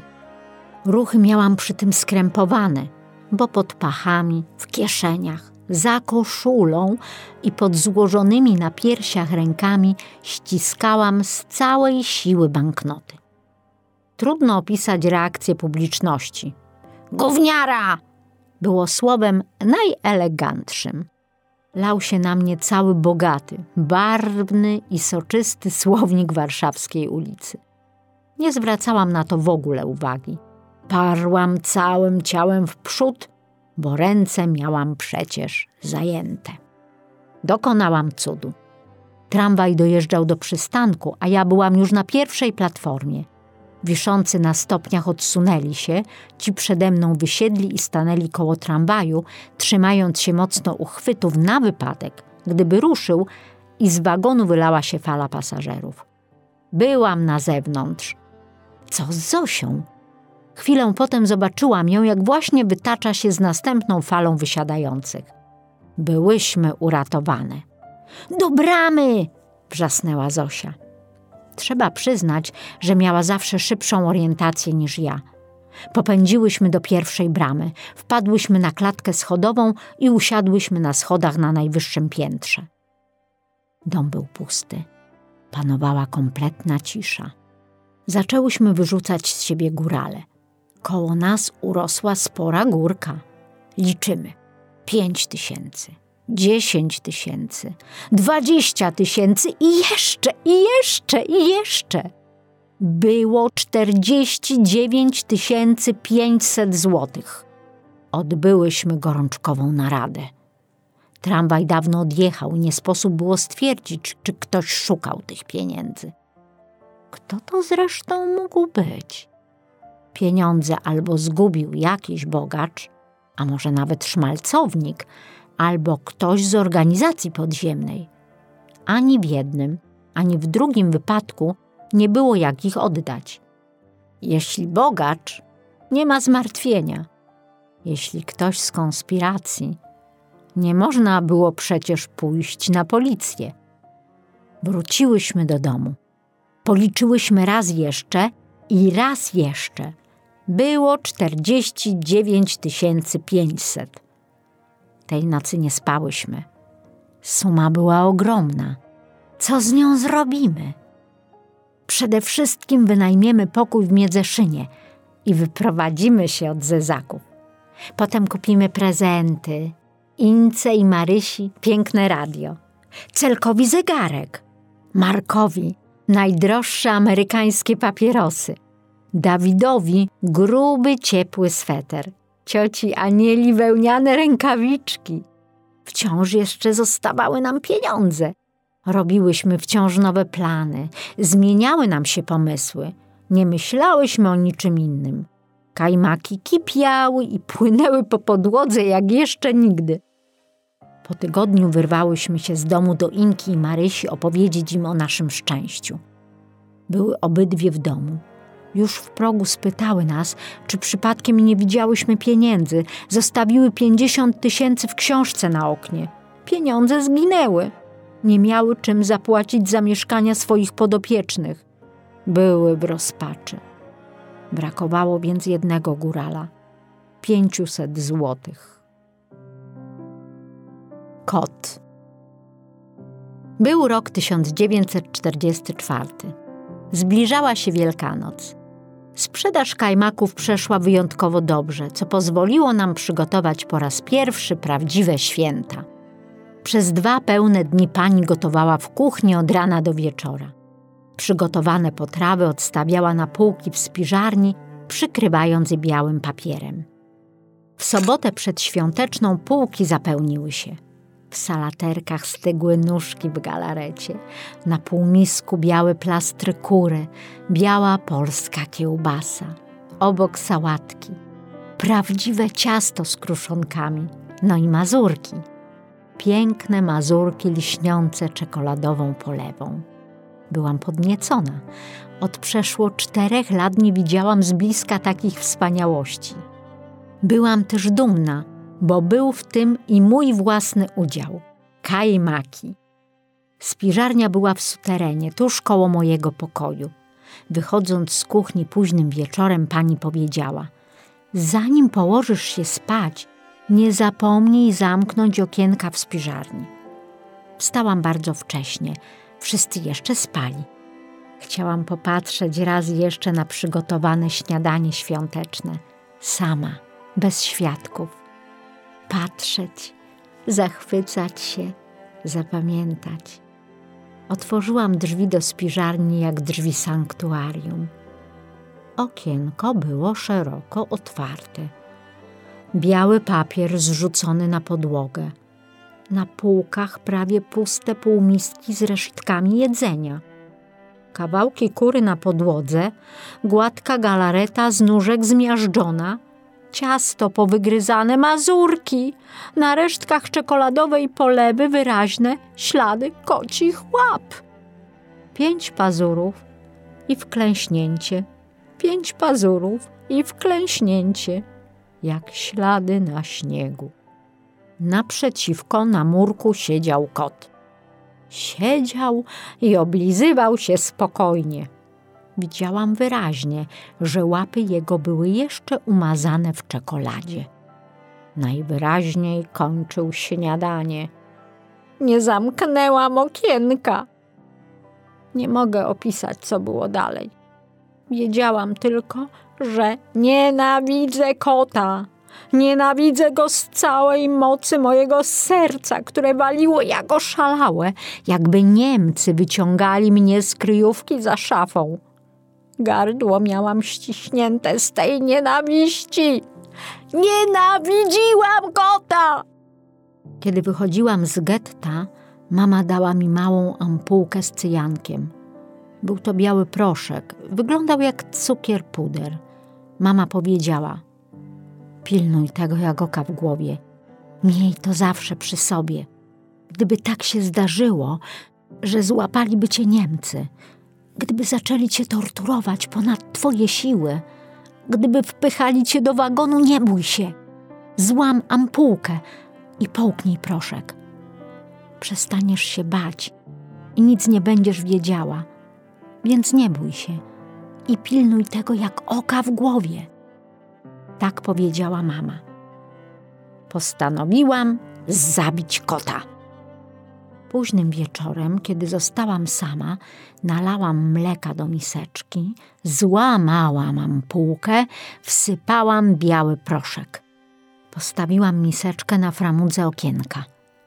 Obudziłam się o świcie, popędziłam do śpiżarni. Miseczka była pusta. Naprzeciwko na murku siedział kot i starannie lizał łapy. Kończył poranną toaletę.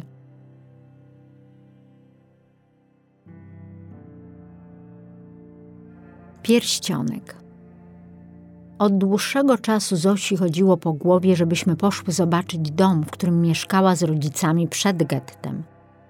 Oczywiście był to znów bardzo głupi i niebezpieczny pomysł. I oczywiście poszłyśmy. Zosia mieszkała w kamienicy przy ulicy Świętokrzyskiej. Dom był brzydki, jak wszystkie wokół. Wchodziło się przez bramę zamykaną na noc na rygiel. Na lewo schody, w głębi oficyna i podwórko studnia. Zosia mieszkała na trzecim piętrze, a od ulicy był mały sklep, w którym ojciec jej miał antykwariat. Rodzina Zosi była znaną rodziną antykwariuszy od pokoleń. W antykwariacie były bardzo piękne rzeczy. Zosia ofiarowała mi na gwiazdkę jedyny przedmiot, jaki jej się zachował. Mały złoty pierścionek z podłużną płytką w miejscu oczka, w której tkwiły ułożone na przemian trzy granaciki i trzy maleńkie perełki. Dając mi go powiedziała – że naprawdę stare pierścionki poznaje się po tym, że od spodu pod kamieniem mają wypełnione złote denko. Ten pierścionek miał właśnie takie pełne złote denko i w ogóle był prześliczny, po prostu cacko. Nie rozstawałam się z nim nigdy, nawet przy myciu. Więc pewnego dnia poszłyśmy do tego domu przy ulicy Świętokrzyskiej. Było południe – Ulica była prawie pusta. W bramie nie było nikogo. W sklepie po antykwariacie sprzedawano węgiel. Zosia złapała mnie za rękę. Widziałam, że chciało jej się płakać. Na podwórku bawiło się parę dzieci. Grały w klasę, a jedna dziewczynka skakała przez skakankę. Weszłyśmy na drewniane schody, jak się wchodzi do kościoła. Na palcach i w skupieniu. Wciąż nikogo. Wspięłyśmy się na trzecie piętro. Oparłyśmy się o ścianę naprzeciwko i parę chwil stałyśmy cichutko. Było to tak, jakbyśmy zmawiały jakąś modlitwę bez słów za rodziców Zosi i za jej siostrzyczkę Helenkę. Potem Zosia pogłaskała drzwi i szybko zbiegłyśmy do bramy, szczęśliwe, że nam się udało. Brama była zamknięta – na ryglu wisiała wielka kłódka. Obejrzałyśmy się za siebie. Na podwórku dalej bawiły się dzieci. Zosia próbowała otworzyć. Kłódka była zamknięta. Opadło nas złe przeczucie. Zosia znała drugie wyjście przez małą furtkę na podwórku. Było to przejście do sąsiedniej kamienicy. Zamknięta. Serce mi biło. Zosia była przeraźliwie blada. Z chwili na chwilę stawało się jasne, że zostałyśmy odkryte. Czułam się jak królik w potrzasku. Byłyśmy skazane na bezczynne czekanie. Po czasie, który wydał mi się wiekiem, zamek zazgrzytał, Brama otworzyła się. Na ulicy stał stróż kamienicy i z każdej jego strony jeden granatowy policjant. Stróż milcząco wskazał na Zosię. Poznał ją. Proszę z nami, panienki. I już szłyśmy między nimi wzdłuż ulicy Świętokrzyskiej. Potem jeszcze przez inne ulice prosto do komisariatu. Nikt się nie odzywał. Zamknęli nas w jakimś małym pokoju. Wyszli. Nie mówiłyśmy nic, ale wiedziałyśmy, że się nie przyznamy. Po czasie, który znów wydał mi się wiekiem albo nawet dwoma wiekami, otworzyli drzwi z klucza i zaprowadzili nas do oficera. A więc Żydówki! Spojrzał na nas uważnie. Ja? Nie! Przyjrzał się naszym papierom, wziął pod lupę, spojrzał pod światło. Papiery miałyśmy dobre, prawdziwe, po jakichś nieżyjących dziewczynkach. Przyjrzał się Zosi. W tym dniu naprawdę nie wyglądała na Żydówkę, mimo że przed chwilą na schodach oczy jej były jak dwa miliony lat narodu żydowskiego. No dobrze, powiedział. Zrobimy egzamin. I do mnie. Módl się. Błogosławiłam nianie. Znałam wszystkie modlitwy i śpiewy kościelne. Zaczęłam Ojcze Nasz. Posłuchał i przerwał. A teraz, panienko, zwrócił się do Zosi. Byłaś u Komunii Świętej? Tak, powiedziała Zosia. No to powiedz mi, jaki duży jest opłatek, który ksiądz daje w czasie komunii?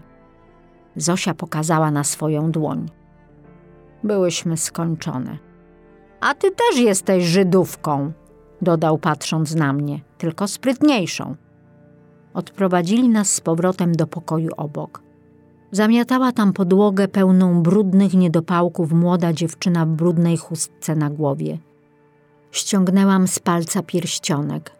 Wyciągnęłam rękę z pierścionkiem w stronę dziewczyny i spytałam: Polecisz?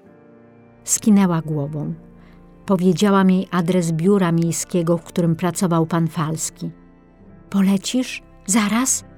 Spojrzała na lśniący złoty pierścionek, który miała już w ręku. Wsunęła na palec i wybiegła. Mijał czas. Siedziałyśmy na drewnianej ławce, na brzegu której ktoś wyrył serce przebite strzałą. Nie mówiłyśmy do siebie ani słowa. Bałam się. Bałam się tak bardzo, że robiło mi się słabo. Przypomniałam sobie mamę, cyjanek i kota, który nie zdechł. Myślałam, co powiedzą Zezakowi, jak się dowiedzą. Bałam się, że się dowiedzą. Myślałam, że ojciec kazał mi być dobrą dla brata, który był w jakimś domu dziecka i którego nigdy nie zobaczę. Myślałam, co powie Inka. Po co to zrobiłyśmy? Bałam się. Bałam się. Bałam się. Nie myślałam nawet o dziewczynie z pierścionkiem. Byłyśmy stracone. Mijał czas. Zaczęło się ściemniać. Nie przychodzili. Dlaczego wciąż nie przychodzili? Niechby już przyszli.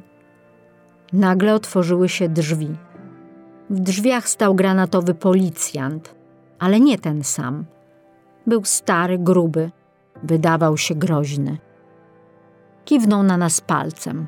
Podeszłyśmy do drzwi. Trzęsłam się tak, że trudno mi było zrobić krok. Zosia miała spuszczoną głowę.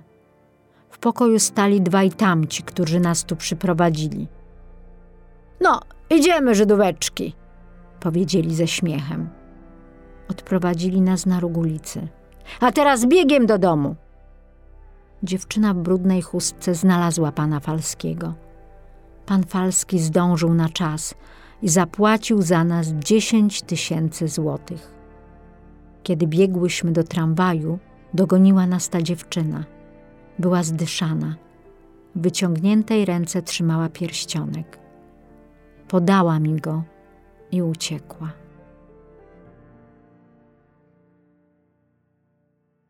Dłoń. Do Piotrkowa zawsze jeździła krawcowa pani Halina. Tym razem miałam pojechać z nią razem, bo za dużo razy już ją tam widzieli i to robiło się niebezpieczne. Miał to być jej ostatni raz. Potem miałam już jeździć sama. W Piotrkowie był obóz dla Żydów, którzy pracowali w jakiejś fabryce i ci Żydzi z piotrkowskiego obozu szykowali się do oporu. Byli dobrze zorganizowani. Mieli już kontakty na broń, potrzeba im było pieniędzy. Pani Halina wszyła pieniądze w dwa szerokie pasy. Jeden dla mnie, drugi dla niej. Pod grubą kurtką nic nie było widać. Dla każdej z nas naszykowała też tłumok z kiełbasą. Pociąg był zatłoczony. Była to trasa szmuglerów. Tłumoki z kiełbasą, słoniną i rąbanką poupychane były pod ławkami. O siedzeniu nie było mowy. Z trudem wcisnęłam się z innymi do wpół otwartej ubikacji. Ludzi tyle, że trudno oddychać. Na każdej stacji wpychają się nowi, a nikt nie wysiada. Nagle pociąg stanął w polu. Łapanka? Ludzie zostawili tłumoki, w panice rzucili się do wyjścia. Poczułam ostry, dziki ból w prawej ręce. Napierający tłum zatrzasnął mi na palcu drzwi od ubikacji. Zrobiło mi się czarno przed oczami. Zaraz zemdleję, co będzie z pieniędzmi? Ktoś zauważył, uwolnił mój palec. Na stacji w Piotrkowie nie zdarzyło się nic szczególnego. Poszłam za panią Haliną w dużej odległości, po drugiej stronie ulicy. Weszłyśmy jedna po drugiej do jakiegoś domu, do jakiegoś mieszkania, gdzie na nas czekali jacyś ludzie. Rozprułyśmy pasy. Banknoty otulone kiełbasą przełożyłyśmy do toreb po cukrze. Obóz widać było z okna po drugiej stronie placu. Dwa razy dziennie Żydzi przechodzili przez ten plac. O świcie do pracy, o zmierzchu z powrotem. Niektórzy mieli chlebaki lub torby. Przed nimi i za nimi paru młodych żołnierzy Wehrmachtu. Boki kolumny wolne. Nikt nie zwracał na nich uwagi. Ludzie byli przyzwyczajeni. Miałyśmy podejść do nich, kiedy będą wracali i oddać im torby po cukrze. Pani Halina miała czekać z prawej strony i podać paczkę mężczyźnie pierwszemu z brzegu w trzecim szeregu od początku kolumny. Ja z lewej strony, kobiecie pierwszej z brzegu w trzecim szeregu od końca. Było spokojnie, nikt nie zwracał na nas uwagi. Kobieta błyskawicznie wsunęła do torby paczkę, którą jej podałam. Kolumna weszła do obozu, za nimi żołnierze. Udało się niespodziewanie prosto. Z panią Haliną miałam się spotkać na dworcu. Pociąg do Warszawy odjeżdżał za pół godziny. W tym momencie z dwóch moich boków wyrośli dwaj cywile. Szmalcownicy. Wiedziałam, co mam robić. Ale to nie byli szmalcownicy. Wzięli mnie za łokcie i weszliśmy do obozu. Siedziałam długo sama zamknięta w małym, brudnym pokoju. Może pół godziny, może dwie godziny. Co zrobiłam złego, że tak się to skończyło? W którym momencie dałam po sobie poznać? Pani Halina jeździła przecież tyle razy. To ja jestem winna. To moja jakaś nieostrożność, ruch, wyraz twarzy. Nie myślałam jeszcze, co ze mną zrobią, tylko że zawiodłam. Potem wszedł niemiecki oficer i usiadł za stołem. Mówił po polsku. Wiedziałam, co mam mówić, umiałam to na pamięć. Nic się nawet nie bałam. Miałam grać głupią kretynkę, a przecież naprawdę byłam głupią kretynką. Nagle usłyszałam w drugim pokoju głos pani Haliny. Więc mają ją też. I od razu strach. Co ona powie? Czy na pewno powie tak, jak to było przygotowane? Słyszałam, że Niemiec bardzo krzyczał. Nie słyszałam, co mówił. Mój Niemiec wyszedł, zostawił drzwi półotwarte. Wtedy właśnie spłynął na mnie żal. Tak to się kończy? I nikt nawet nie będzie wiedział? Nawet mama? Nigdy? Jestem sama. Sama. Sama. Nie zostanie po mnie nawet ślad. Biedna moja mama. Przecież zrobiła, co mogła, żebym żyła. A teraz nie zostanie po mnie nawet ślad. Naraz w tych półotwartych drzwiach czyjaś głowa i szept. Idź do ubikacji.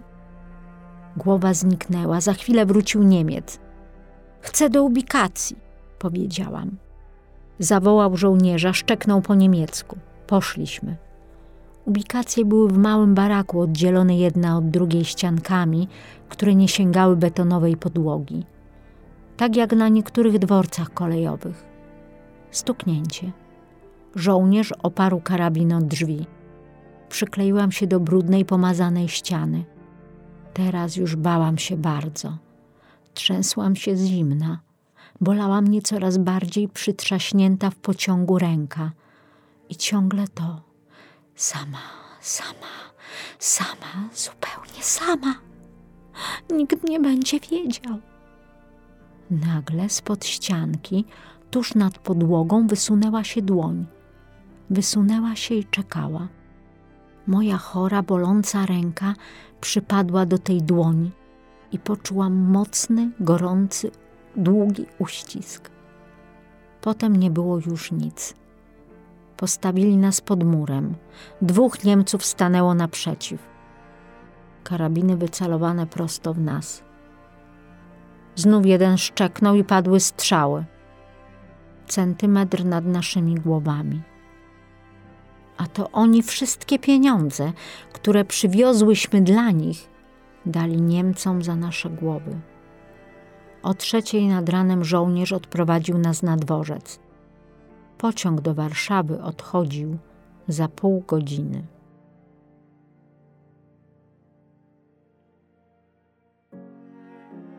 Skok z wagonu. Opowiadanie Bronka. Tego wieczoru skończyłyśmy zmywanie po kolacji i położyłyśmy się spać. Byłyśmy zmęczone. Było bardzo ciemno. Krzaki w ogródku trzeszczały, choć nie było wiatru. Nagle coś jakby skrobnięcie w okienko.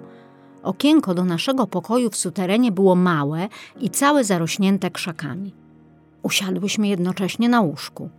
Nic, ale jednak ktoś skrobnął, jakby kod albo pies, ledwo, ledwo.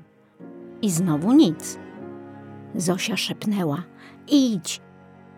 Wstałam z łóżka i na boso poszłam schodami do drzwi wyjściowych. Na górze jeszcze nie spali, słychać było głos pana. Najciszej, jak mogłam, otworzyłam drzwi. Nie skrzypnęły, jakby były ze mną w spisku. Wyjrzałam nic. Ale po chwili zobaczyłam przyklejony do ściany za drzwiami cień. Cień był długi i wąski. Czekałam i cień czekał. Potem zapytałam: Co? Wtedy wsunął się bezszelestnie do środka. Już wiedziałam na pewno, że to do nas. Położyłam palec na ustach, wzięłam go za rękę i zeszliśmy po schodach w dół. Na górze dalej słychać było cichą rozmowę. Nic nie zauważyli. Zosia już stała na środku pokoju. Była bardzo napięta. Zobaczyłyśmy, że cień trząsł się jak w galarecie. Było mu pewno zimno, ale przede wszystkim bardzo się bał. Cień stał się boruchem, to znaczy bronkiem. Kiedy przestał się trząść i dałyśmy mu jeść, okazało się, że jest piętnastoletnim chłopcem. Był wysoki i chudy, miał jasną czuprynę i pełno piegów.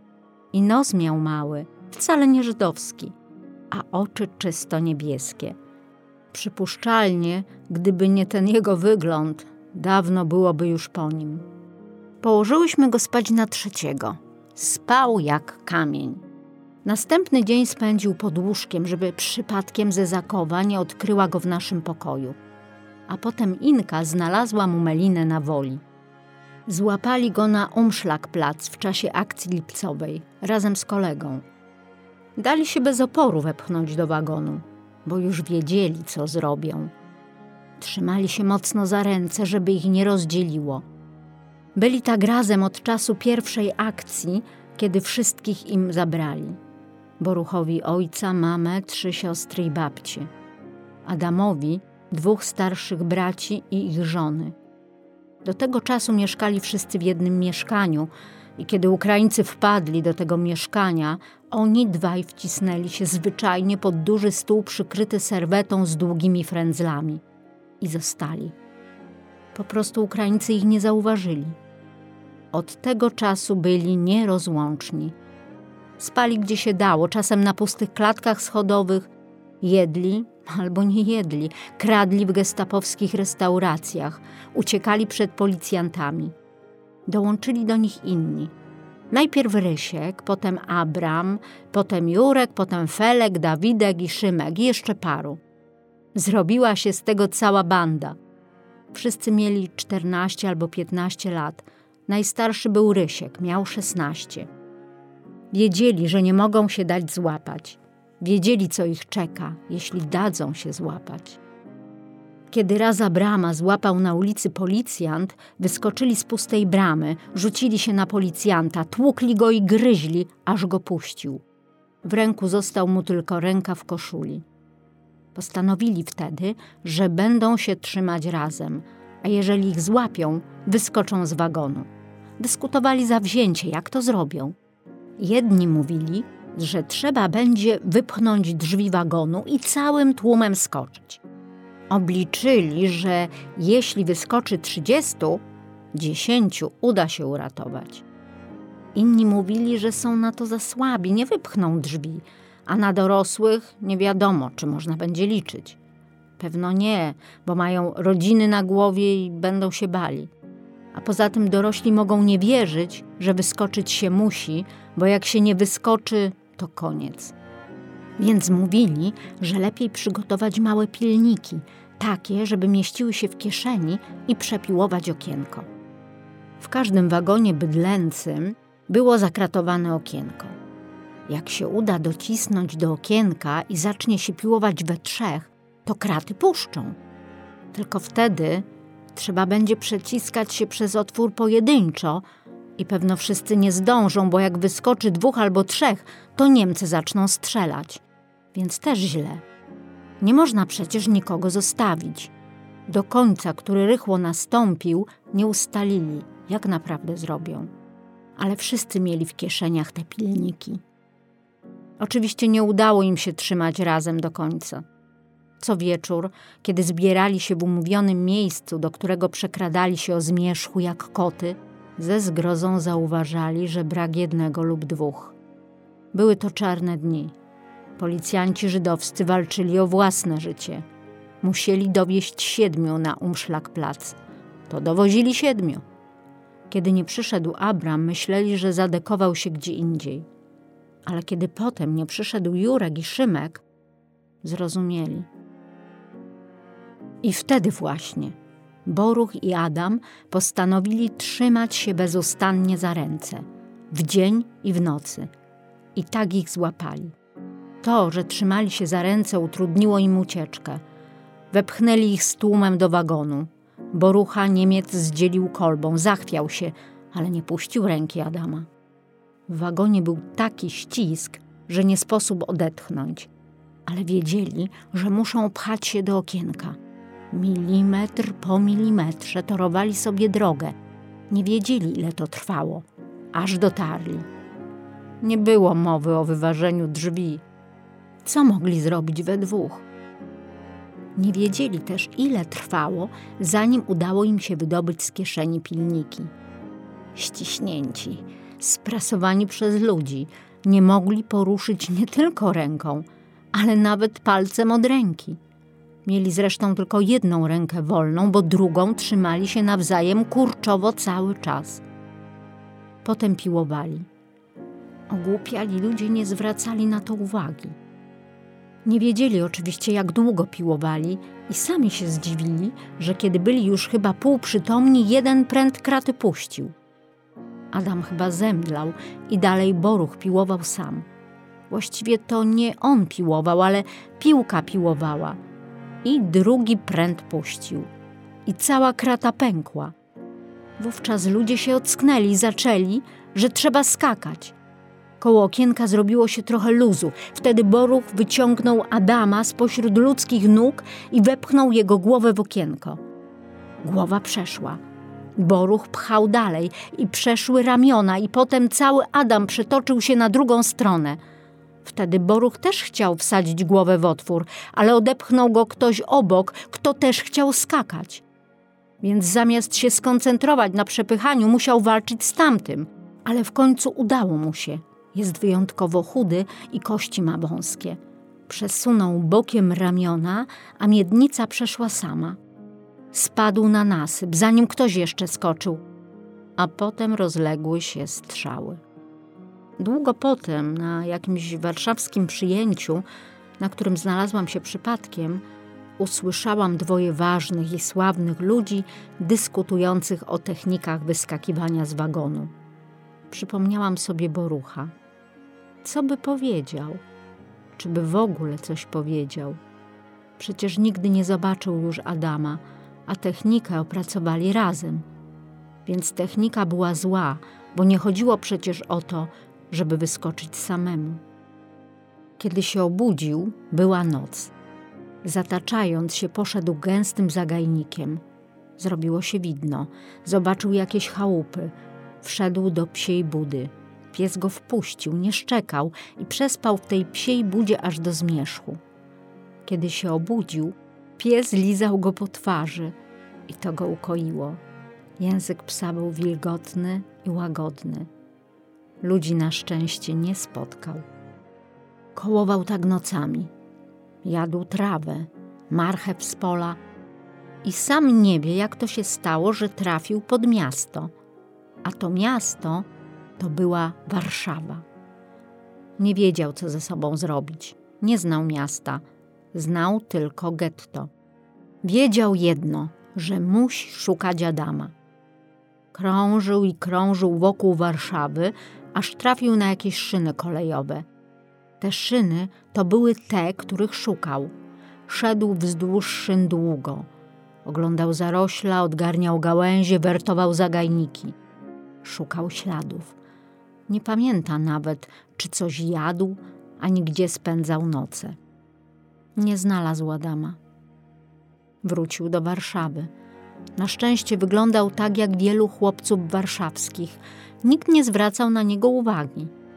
Nazywał się teraz Bronek. Kradł bułki na straganach, ale dnie mijały i może tygodnie i pomyślał, że już po nim, a zresztą było mu wszystko jedno. Wtedy spotkał Zoję. Spotkał ją tak po prostu, kiedy kradł jabłka z jakiegoś kosza. Zoja sprzedawała te jabłka. Zoja, jedyna dziewczyna z bandy. Nie myślał o niej, nie przyszło mu do głowy, że wyszła z getta. Usiedli na murku i nie mówili ani słowa. A potem wytłumaczyła mu, jak trafić do nas. Skąd wiedziała o nas? Inka znalazła mu melinę na woli i czasem chodziłyśmy tam zanieść pieniądze. W Melinie było osiem osób. Dwie kobiety, jedno dziecko i pięciu mężczyzn, w tym Bronek. Wszystko odbywało się niespodziewanie spokojnie. Nawet strach się uspokoił codzienność, a potem nadzieja, a potem nie do uwierzenia, radość życia. Wyszli z Meliny pierwszego dnia powstania, pędzili ulicami Warszawy, oszaleli ze szczęścia, prosto przed siebie. Mijali chłopców z biało-czerwonymi opaskami. Razem z innymi budowali barykadę. W Melinie zostały tylko kobiety i dziecko. Bronek, to znaczy Boruch, zginął od przypadkowej kuli w pierwszym dniu powstania. Decyzja. Opowiadanie Szymona. Tuż przed godziną policyjną Inka przyprowadziła do mnie Szymona. Starała się jak mogła unikać tego, ale czasem miała nóż na gardle, bo ktoś musiałby zostać na ulicy. Rzuciła do jutra i pobiegła, żeby zdążyć do domu. Szymon był ubrany porządnie, ogolony, oczy i brwi miał przerażająco czarne. Szymon przyszedł do Warszawy z Wilna. Przyjechał, przyszedł, przyjechał, przyszedł. Nie z Wilna, z Wileńszczyzny, to znaczy z lasu. W Wilnie organizowali się w grupy bojowe, mieli broń. postanowili wychodzić do lasu i bić się w lesie z Niemcami. Kiedy grupa Szymona wyszła z getta do lasu, było ich około 30, w tym cztery dziewczyny. O innych nie wiedzieli. Kiedy Niemcy rozbili ich oddział, został z trzema innymi. Zgubili się prawie od razu i został sam. Chciał do Warszawy, bo myślał, że w getcie warszawskim jest jego siostra. Ale kiedy dotarł do Warszawy, było już po wszystkim. Getta już nie było. Szymon całą noc mówił. Wysunął głowę z pod łóżka i mówił szeptem. Ja zwiesiłam głowę, żeby słyszeć. W ten sposób nasze głowy się stykały. Szymon mówi, zasypia, budzi się i znów mówi. I ja z nim słucham. Zasypiam, budzę się i znów słucham. Mówi o nim. On był ich dowódcą wszystkich grup bojowych w wileńskim getcie. Był komunistą, ale oni nie liczyli się z polityką i nie miało to znaczenia. Dzięki niemu byli tak dobrze zorganizowani. Dzięki niemu dostawali broń. Z nim ustalili, że jak będzie broń, to będą kolejno wychodzić do lasu. I kolejno wychodzili do lasu. Był od nich wszystkich starszy, miał trzydzieści parę lat. Po aryjskiej stronie miał żonę, która nie była Żydówką. Urządziła mu kryjówkę, o której nikt nie wiedział, ale nie chciał wyjść z getta. Kiedy wezwał go główny komendant żydowskiej policji getta, poszedł bez wahania. Myśleli, że będą pertraktacje, byli już w getcie siłą, z którą musiano się liczyć. Ale powiedzieli mu, że Niemcy zażądali jego głowy – Żydowscy policjanci czekali już, żeby go wyprowadzić. Ale grupa odbiła go i od tej chwili chronili go w dzień i w nocy. Wtedy tamci powiedzieli, że jest niemieckie ultimatum. Jeżeli się nie stawi, całe getto wywiozą natychmiast do Ponar. W getcie zostało już tylko 20 tysięcy Żydów, 70 tysięcy wywieźli. Odbyło się więc zebranie, które Szymon będzie pamiętał do końca dni swoich, każdego dnia i każdej nocy. Zebrali się Rada Żydowska, dowódcy bojowców i jego grupa partyjna. Było jasne. On albo dwadzieścia tysięcy. Jego życie bojownika za dwadzieścia tysięcy żyć skazańców. Ale chociaż wszyscy wiedzieli, że los tych dwudziestu tysięcy jest przesądzony i prowadzi nieuchronnie tam, skąd nikt nie wraca, skąd nie ma powrotu, to nie umieli podjąć decyzji. Nie mogli podjąć decyzji. Więc podjęli decyzję, że decyzję ma podjąć on sam. Szymon powtarza wciąż słowo: decyzja, decyzji, decyzje. I nie chodzi już o to, że decyzja od początku była jasna, ale o to, że kazali mu wydać wyrok na samego siebie. Zdradzili go i opuścili. W obliczu śmierci zostawili go samego. Aryjska żona przysłała posłańca. Odesłał. Widzieli go, jak szedł do żydowskiego komendanta i byli bezsilni. Kiedy wszedł, obstawili wyjście, ale i tak nie zobaczyli go więcej. Z tego domu drugie drzwi prowadziły prosto na aryjską stronę i pod drzwiami czekał samochód z gestapo. Połknął cyjanek. Potem zresztą różnie opowiadali, ale przecież to nieważne. Zaraz potem wyszli do lasu. Szymon myśli, że wyszło ich 150, może 200 ale to też nie ma znaczenia. Nie wiem, co stało się z Szymonem.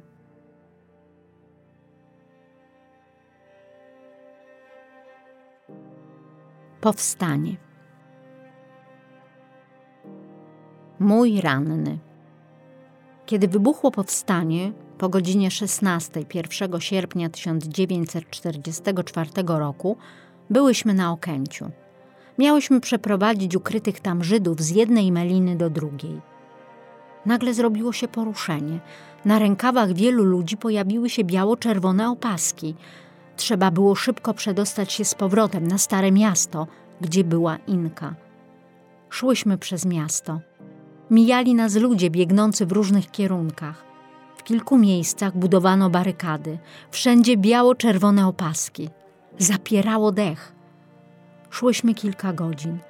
Wreszcie dotarłyśmy na Miodową. W domu, w którym mieszkała Inka, urządzono szpital. Inka była lekarzem. Znalazłyśmy ją w szpitalu.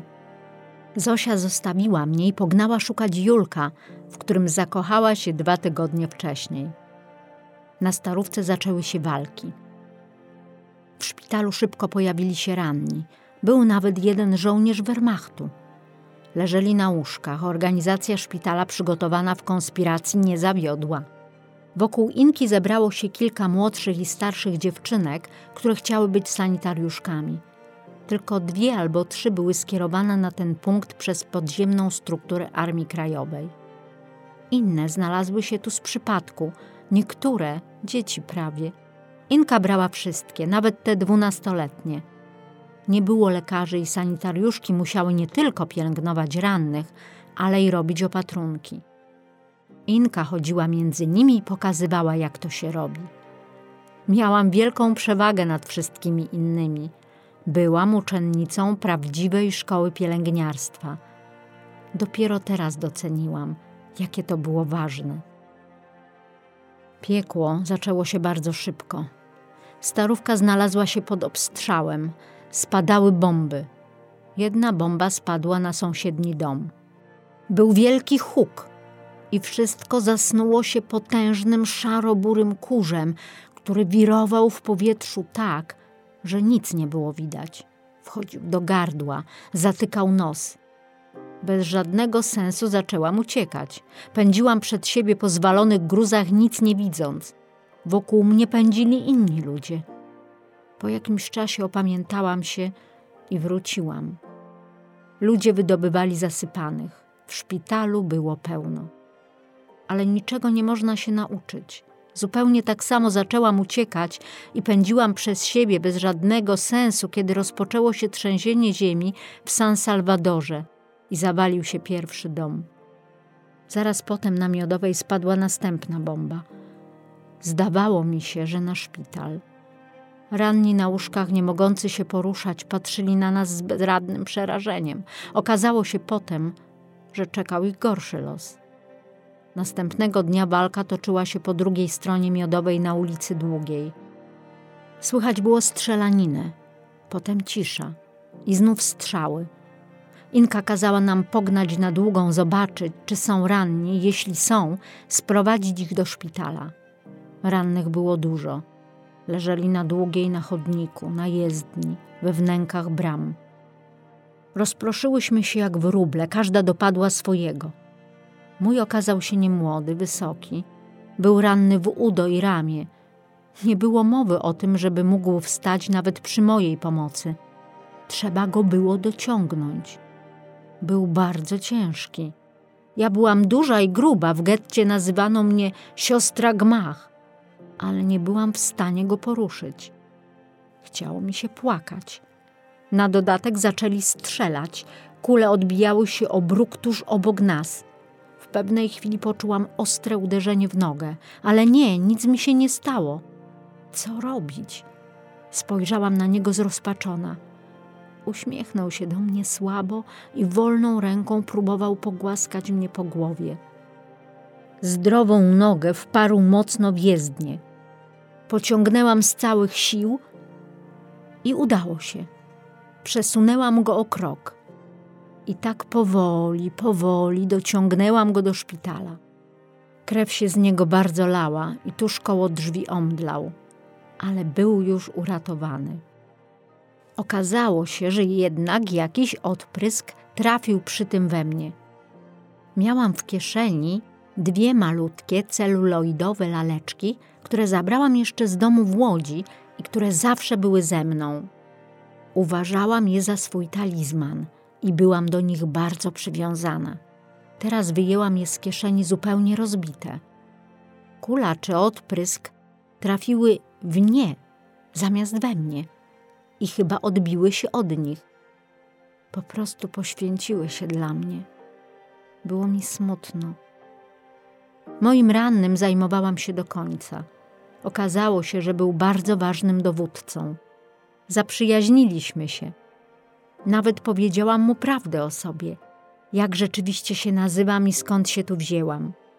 Potem pomogłam mu zsunąć się do włazu, kiedy kanałami opuszczaliśmy starówkę.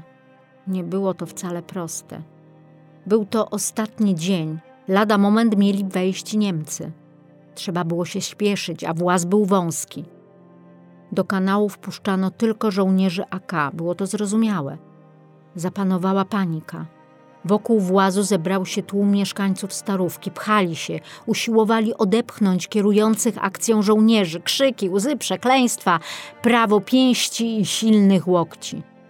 Rannych na noszach nie można było ewakuować. Nosze nie mieściły się w otworze włazu.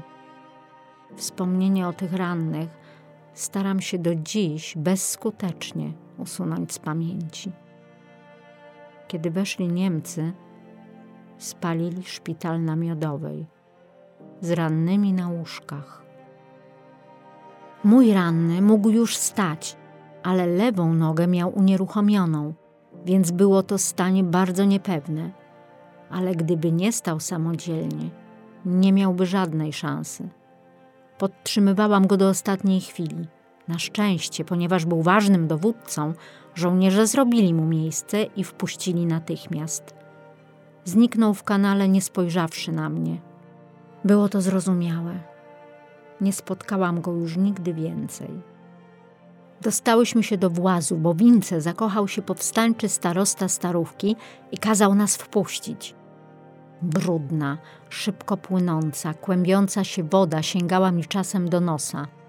Na szczęście byłam wysoka. Nie widziało się nic i trzeba było posuwać się w zupełnej ciemności, dotykając tego, który szedł przodem, żeby utrzymać rytm i kierunek. Na pobrzeżach co jakiś czas mijało się tych, którym zabrakło sił. Niektórzy umarli. Mimo, że byłam spięta do ostatnich granic wytrzymałości, żeby iść do przodu i nie upaść, myślałam o swoim rannym. Byłam pewna, że nie doszedł. Było to niemożliwe, żeby mógł na tej swojej jednej nodze wytrzymać tę koszmarną drogę. A jednak doszedł.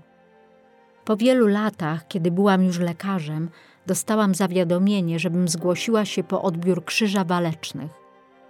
Ofiarowałam go w myśli moim celuloidowym laleczkom.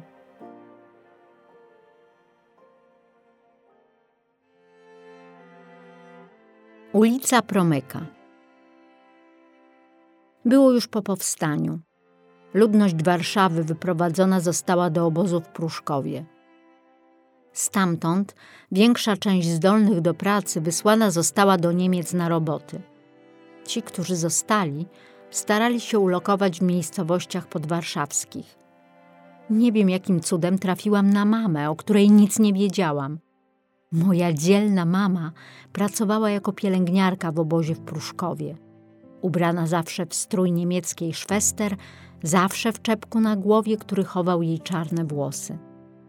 Zajmowała się wyprowadzaniem ludzi z obozu, żeby uchronić ich przed wywiezieniem do Niemiec. Rozdzielała przekazywane z Londynu pieniądze ukrywającym się Żydom. Tu, w obozie, była bardzo znana. Mnóstwo ludzi miało do niej sprawy i jakoś nikomu nie wpadło na myśl, kim była naprawdę. Pewnego dnia przyszła wiadomość, że grupa Żydów, uczestników powstania warszawskiego, pozostała na pustym Żoliborzu po wyjściu ludności, że Niemcy przeszukują całą dzielnicę i że ukrywającym się grozi wielkie niebezpieczeństwo. Byli to nasi przyjaciele, związani z żydowską organizacją bojową, którym udało się wyjść na aryjską stronę po upadku getta i którzy po wybuchu powstania, kiedy wydawało się, że w wolnej Warszawie można się było ujawnić, stworzyli oddział na Żoliborzu i utrzymywali pozycję powstańczą na ulicy Mostowej. Włączyli się do jednostki Armii Ludowej. W niektórych oddziałach powstańczych Armii Krajowej panowały nastroje antysemickie – Ujawnienie się było niebezpieczne. Próbował to zrobić Marek. Pobito go dotkliwie na Starym Mieście. Potem Julek. Ledwo uszedł z życiem. W grupie tej było trzech członków komendy żydowskiej organizacji bojowej. Antek, czyli Itzhak, przedstawiciel żob po stronie aryjskiej. Antek był wysokim, bardzo przystojnym brunetem z małym jasnym wąsem, miał niebieskie oczy i mógłby łatwo uchodzić za Polaka, gdyby nie to, że zupełnie nie mówił po polsku. Celina, czyli Cywia, jedyna kobieta w komendzie żob. Cywia była malutka, brzydka, niepokaźna, bez cienia kobiecej kokieterii. Była bardzo mądra i autorytet jej był ogromny. Marek, zastępca komendanta żob, dowódca grupy bojowej na terenie Szczotarzy, po śmierci Mordechaja Anielewicza komendant żob. Wygląd Marka był tak bardzo semicki, że nie sposób było się omylić. Miał czarne włosy, czarne żydowskie oczy, a jego chudość podkreślała jeszcze ten wygląd. Pozostali. Zygmunt był adwokatem, dojrzałym mężczyzną starszym od pozostałych o przynajmniej 15 lat. Był bardzo wysoki. Z wyglądu nie przypominał Żyda, szczególnie dzięki jasnym polskim oczom. Jak się później okazało, ten wzrost Zygmunta był poważnym kłopotem przy konspiracyjnym wychodzeniu z Warszawy. Tadek, czyli Tuwi, bojowiec żob, mały, cichy, niepozorny blondyn. Julek też był blondynem, ale zdradzał go wybitny żydowski nos. To właśnie Julek przeżył niebezpieczną przygodę, próbując zgłosić się do oddziału akowskiego. Rozpoznano w nim Żyda i cudem tylko ocalał. Julek był łagodny, nieśmiały, miał bardzo miły uśmiech. Tuż przed powstaniem poznał moją przyjaciółkę Zosię i odtąd stanowili nierozłączną parę. Marysia, czyli Bronka, była łączniczką żob po aryjskiej stronie. Fizycznie Marysia miała wielki atut. Niebieskie jak niezabudki, okrągłe jak talerzyki oczy, których spojrzenie było samą niewinnością. Ten wygląd ratował ją wiele razy z opresji. Tosia, lekarz ze szpitala imienia Bersonów i Baumanów, malutka, drobna, starsza od innych ogromnie dzielna pani. Mąż jej, nie Żyd, znajdował się w niewoli niemieckiej. I wreszcie moja przyjaciółka, Zosia. Tak więc Marysia i Zosia wyszły bohatersko z ukrycia w piwnicy przy ulicy Promyka i same jedne, nie mając żadnej orientacji, no i oczywiście kompasu, przeszły przez opustoszałe, zrównane z ziemią miasto, w którym nie było już żywego człowieka. Jak to się zdarzyło, że w tych czasach nie złapali ich mimo wszystko Niemcy, a one dotarły do obozu w Pruszkowie i stamtąd do szpitala Czerwonego Krzyża w Brennerowie. Dyrektorem tego szpitala był doktor Stanisław Śwital. Doktor Śwital nie stracił ani minuty. Natychmiast zorganizował konwój Czerwonego Krzyża, który z noszami miał się udać na Żoliborz pod pretekstem meldunku o obecności tam dwóch ciężko chorych kobiet. Nie wiem sama, jak znalazłam się w tym konwoju. Przypuszczam, że załatwiła to moja mama. Poza mną było jeszcze cztery osoby: Anna, dwóch młodszych mężczyzn, których nie znałam, i Marysia, która znała Żoliborz i miała nas poprowadzić. Jak się po wojnie okazało, młody mężczyzna i dziewczyna stanowili parę. Byli Żydami i ukrywali się do powstania po aryjskiej stronie. W tym konwoju idącym na ratunek Żydom był tylko jeden nieżyd. O tym oczywiście doktor Śwital nie wiedział, ale co dziwniejsze, nie rozpoznaliśmy się też wzajemnie. Na szczęście. Wyszliśmy rano. Doszliśmy do rogatek miasta. Tam zatrzymał nas niemiecki posterunek. Była to mała budka i dwóch Niemców w mundurach. Anna mówiła po niemiecku i opowiedziała naszą wymyśloną historię. Mieliśmy też zaświadczenie ze stemplami ze szpitala Czerwonego Krzyża, no i nosze. Uwierzyli, puścili nas. Kazali nam wrócić przed godziną drugą. Weszliśmy na teren Warszawy. Szliśmy przez zburzone, puste miasto. Wiedzieliśmy, że Niemcy wszędzie założyli miny. To było najniebezpieczniejsze. Mimo, że przeżyłam powstanie, nie miałam pojęcia o minach. Zdawało mi się, że trzeba iść bardzo ostrożnie, jak najlżejszymi krokami. Zdjęłam buty i szłam boso. Kiedy było już po wszystkim, wszyscy się ze mnie śmieli, ale nie widziałam w tym nic śmiesznego. Najgorsze było to, że nie mogliśmy zupełnie zorientować się, gdzie jesteśmy. Wszędzie takie same gruzy, ani śladu ulic. Ulica Promyka leży nad Wisłą, więc przy pomocy kompasu kierowaliśmy się w stronę Wisły. Szliśmy już bardzo długo i nic. Byliśmy zrozpaczeni. Co chwilę zdawało nam się, że trzeba iść na prawo albo na lewo. Najwyraźniej błądziliśmy. Nie było żywego ducha. Pustynia gruzów. Czas płynął, zbliżało się południe. Zaczęliśmy się niepokoić. Niemcy wpuścili nas do miasta do godziny drugiej. Robiło się niebezpiecznie. Nagle Marysia krzyknęła: To tu! Byliśmy na ulicy Promyka. Małe jednakowe domki stały w równym szeregu wzdłuż małej uliczki. Nie były wcale zburzone. Każdy miał mały ogródek. W ogródkach kwitły krzewy. Wydawało się to bajką. Słońce stało wysoko, było południe. Panowała kompletna cisza. Nie było już trudno odnaleźć numeru 25. Domek wydawał się opustoszały. Weszliśmy do ogródka, drzwi wejściowe były otwarte. Wszyscy byli w piwnicy. Niemcy od dwóch dni przeszukiwali okolice. Tego dnia od rana byli już w piwnicy sąsiedniego domku. Słychać było wyraźnie ich głosy i walenie w ściany. Mogli nadejść lada moment. W południe przerwali pracę i jechali na obiad. Wracali zwykle o drugiej. Gdybyśmy przyszli dziesięć minut wcześniej, byłoby po wszystkim. Weszlibyśmy prosto na nich. Błogosławione błądzenie. Teraz trzeba było działać natychmiast, jak najszybciej. Wychodzili z piwnicy jeden po drugim, mrużąc oczy od ostrego światła. Rozłożyliśmy nosze. Na jednych położyliśmy Zygmunta, który był chory i nie miał sił iść. Na drugich Marka. Nie nadawał się do pokazania w razie, gdyby nas zatrzymano. Nogi Zygmunta, który był bardzo wysoki, wystawały spod koca, a buty miał powstańcze, do połowy łydki, sznurowane. Marka przykryliśmy z głową tak, żeby go zupełnie nie było widać. Ruszyliśmy w drogę powrotną. Teraz było już łatwiej, wystarczyło znać z grubsza kierunek, żeby wyjść z Warszawy.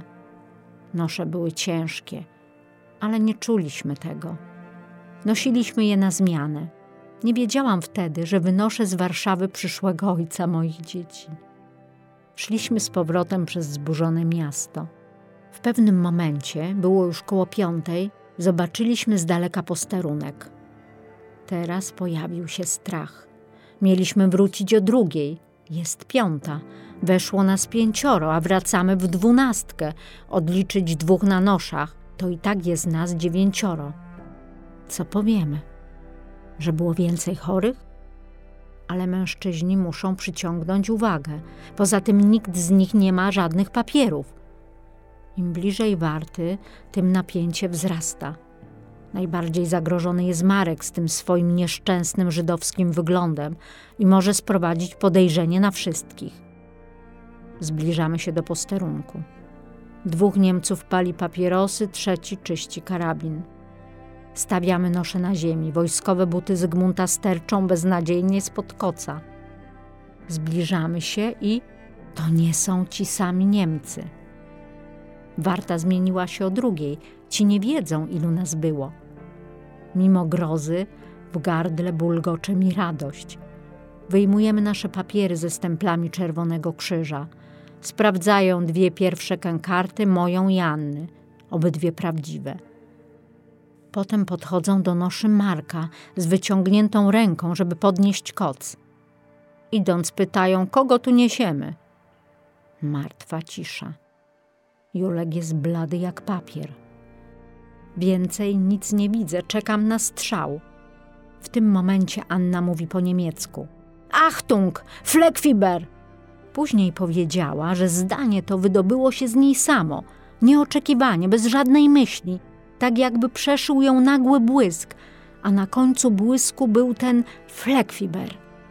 To zdanie uratowało nas. Niemcy panicznie bali się tyfusu. Ten, który zbliżał się do noszy Marka i ręką prawie już dotykał koca, odskoczył nagle jego parzony, wrzasnął. Ale raus, schnell! I pokazał nam grubym, wskazującym palcem kierunek. Złapaliśmy noszę, pognaliśmy do przodu. W szpitalu czekała sala z łóżkami. Wszyscy wpisani zostali do księgi przyjęć jako pacjenci. Doktor Śwital umarł parę lat temu. Nie do uwierzenia, że nigdy nie odwiedziliśmy go. Można o tym myśleć, co się chce.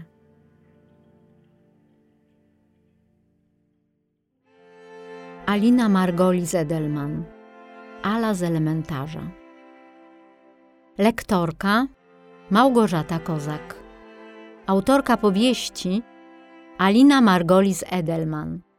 Reżyseria Maciej Sztomberek Realizacja dźwięku i montaż Hubert Tymiński Produkcja kreatywna, promocja i montaż wideo Filip Koszlaga Produkcja i kierownictwo produkcji Maciej Sztomberek.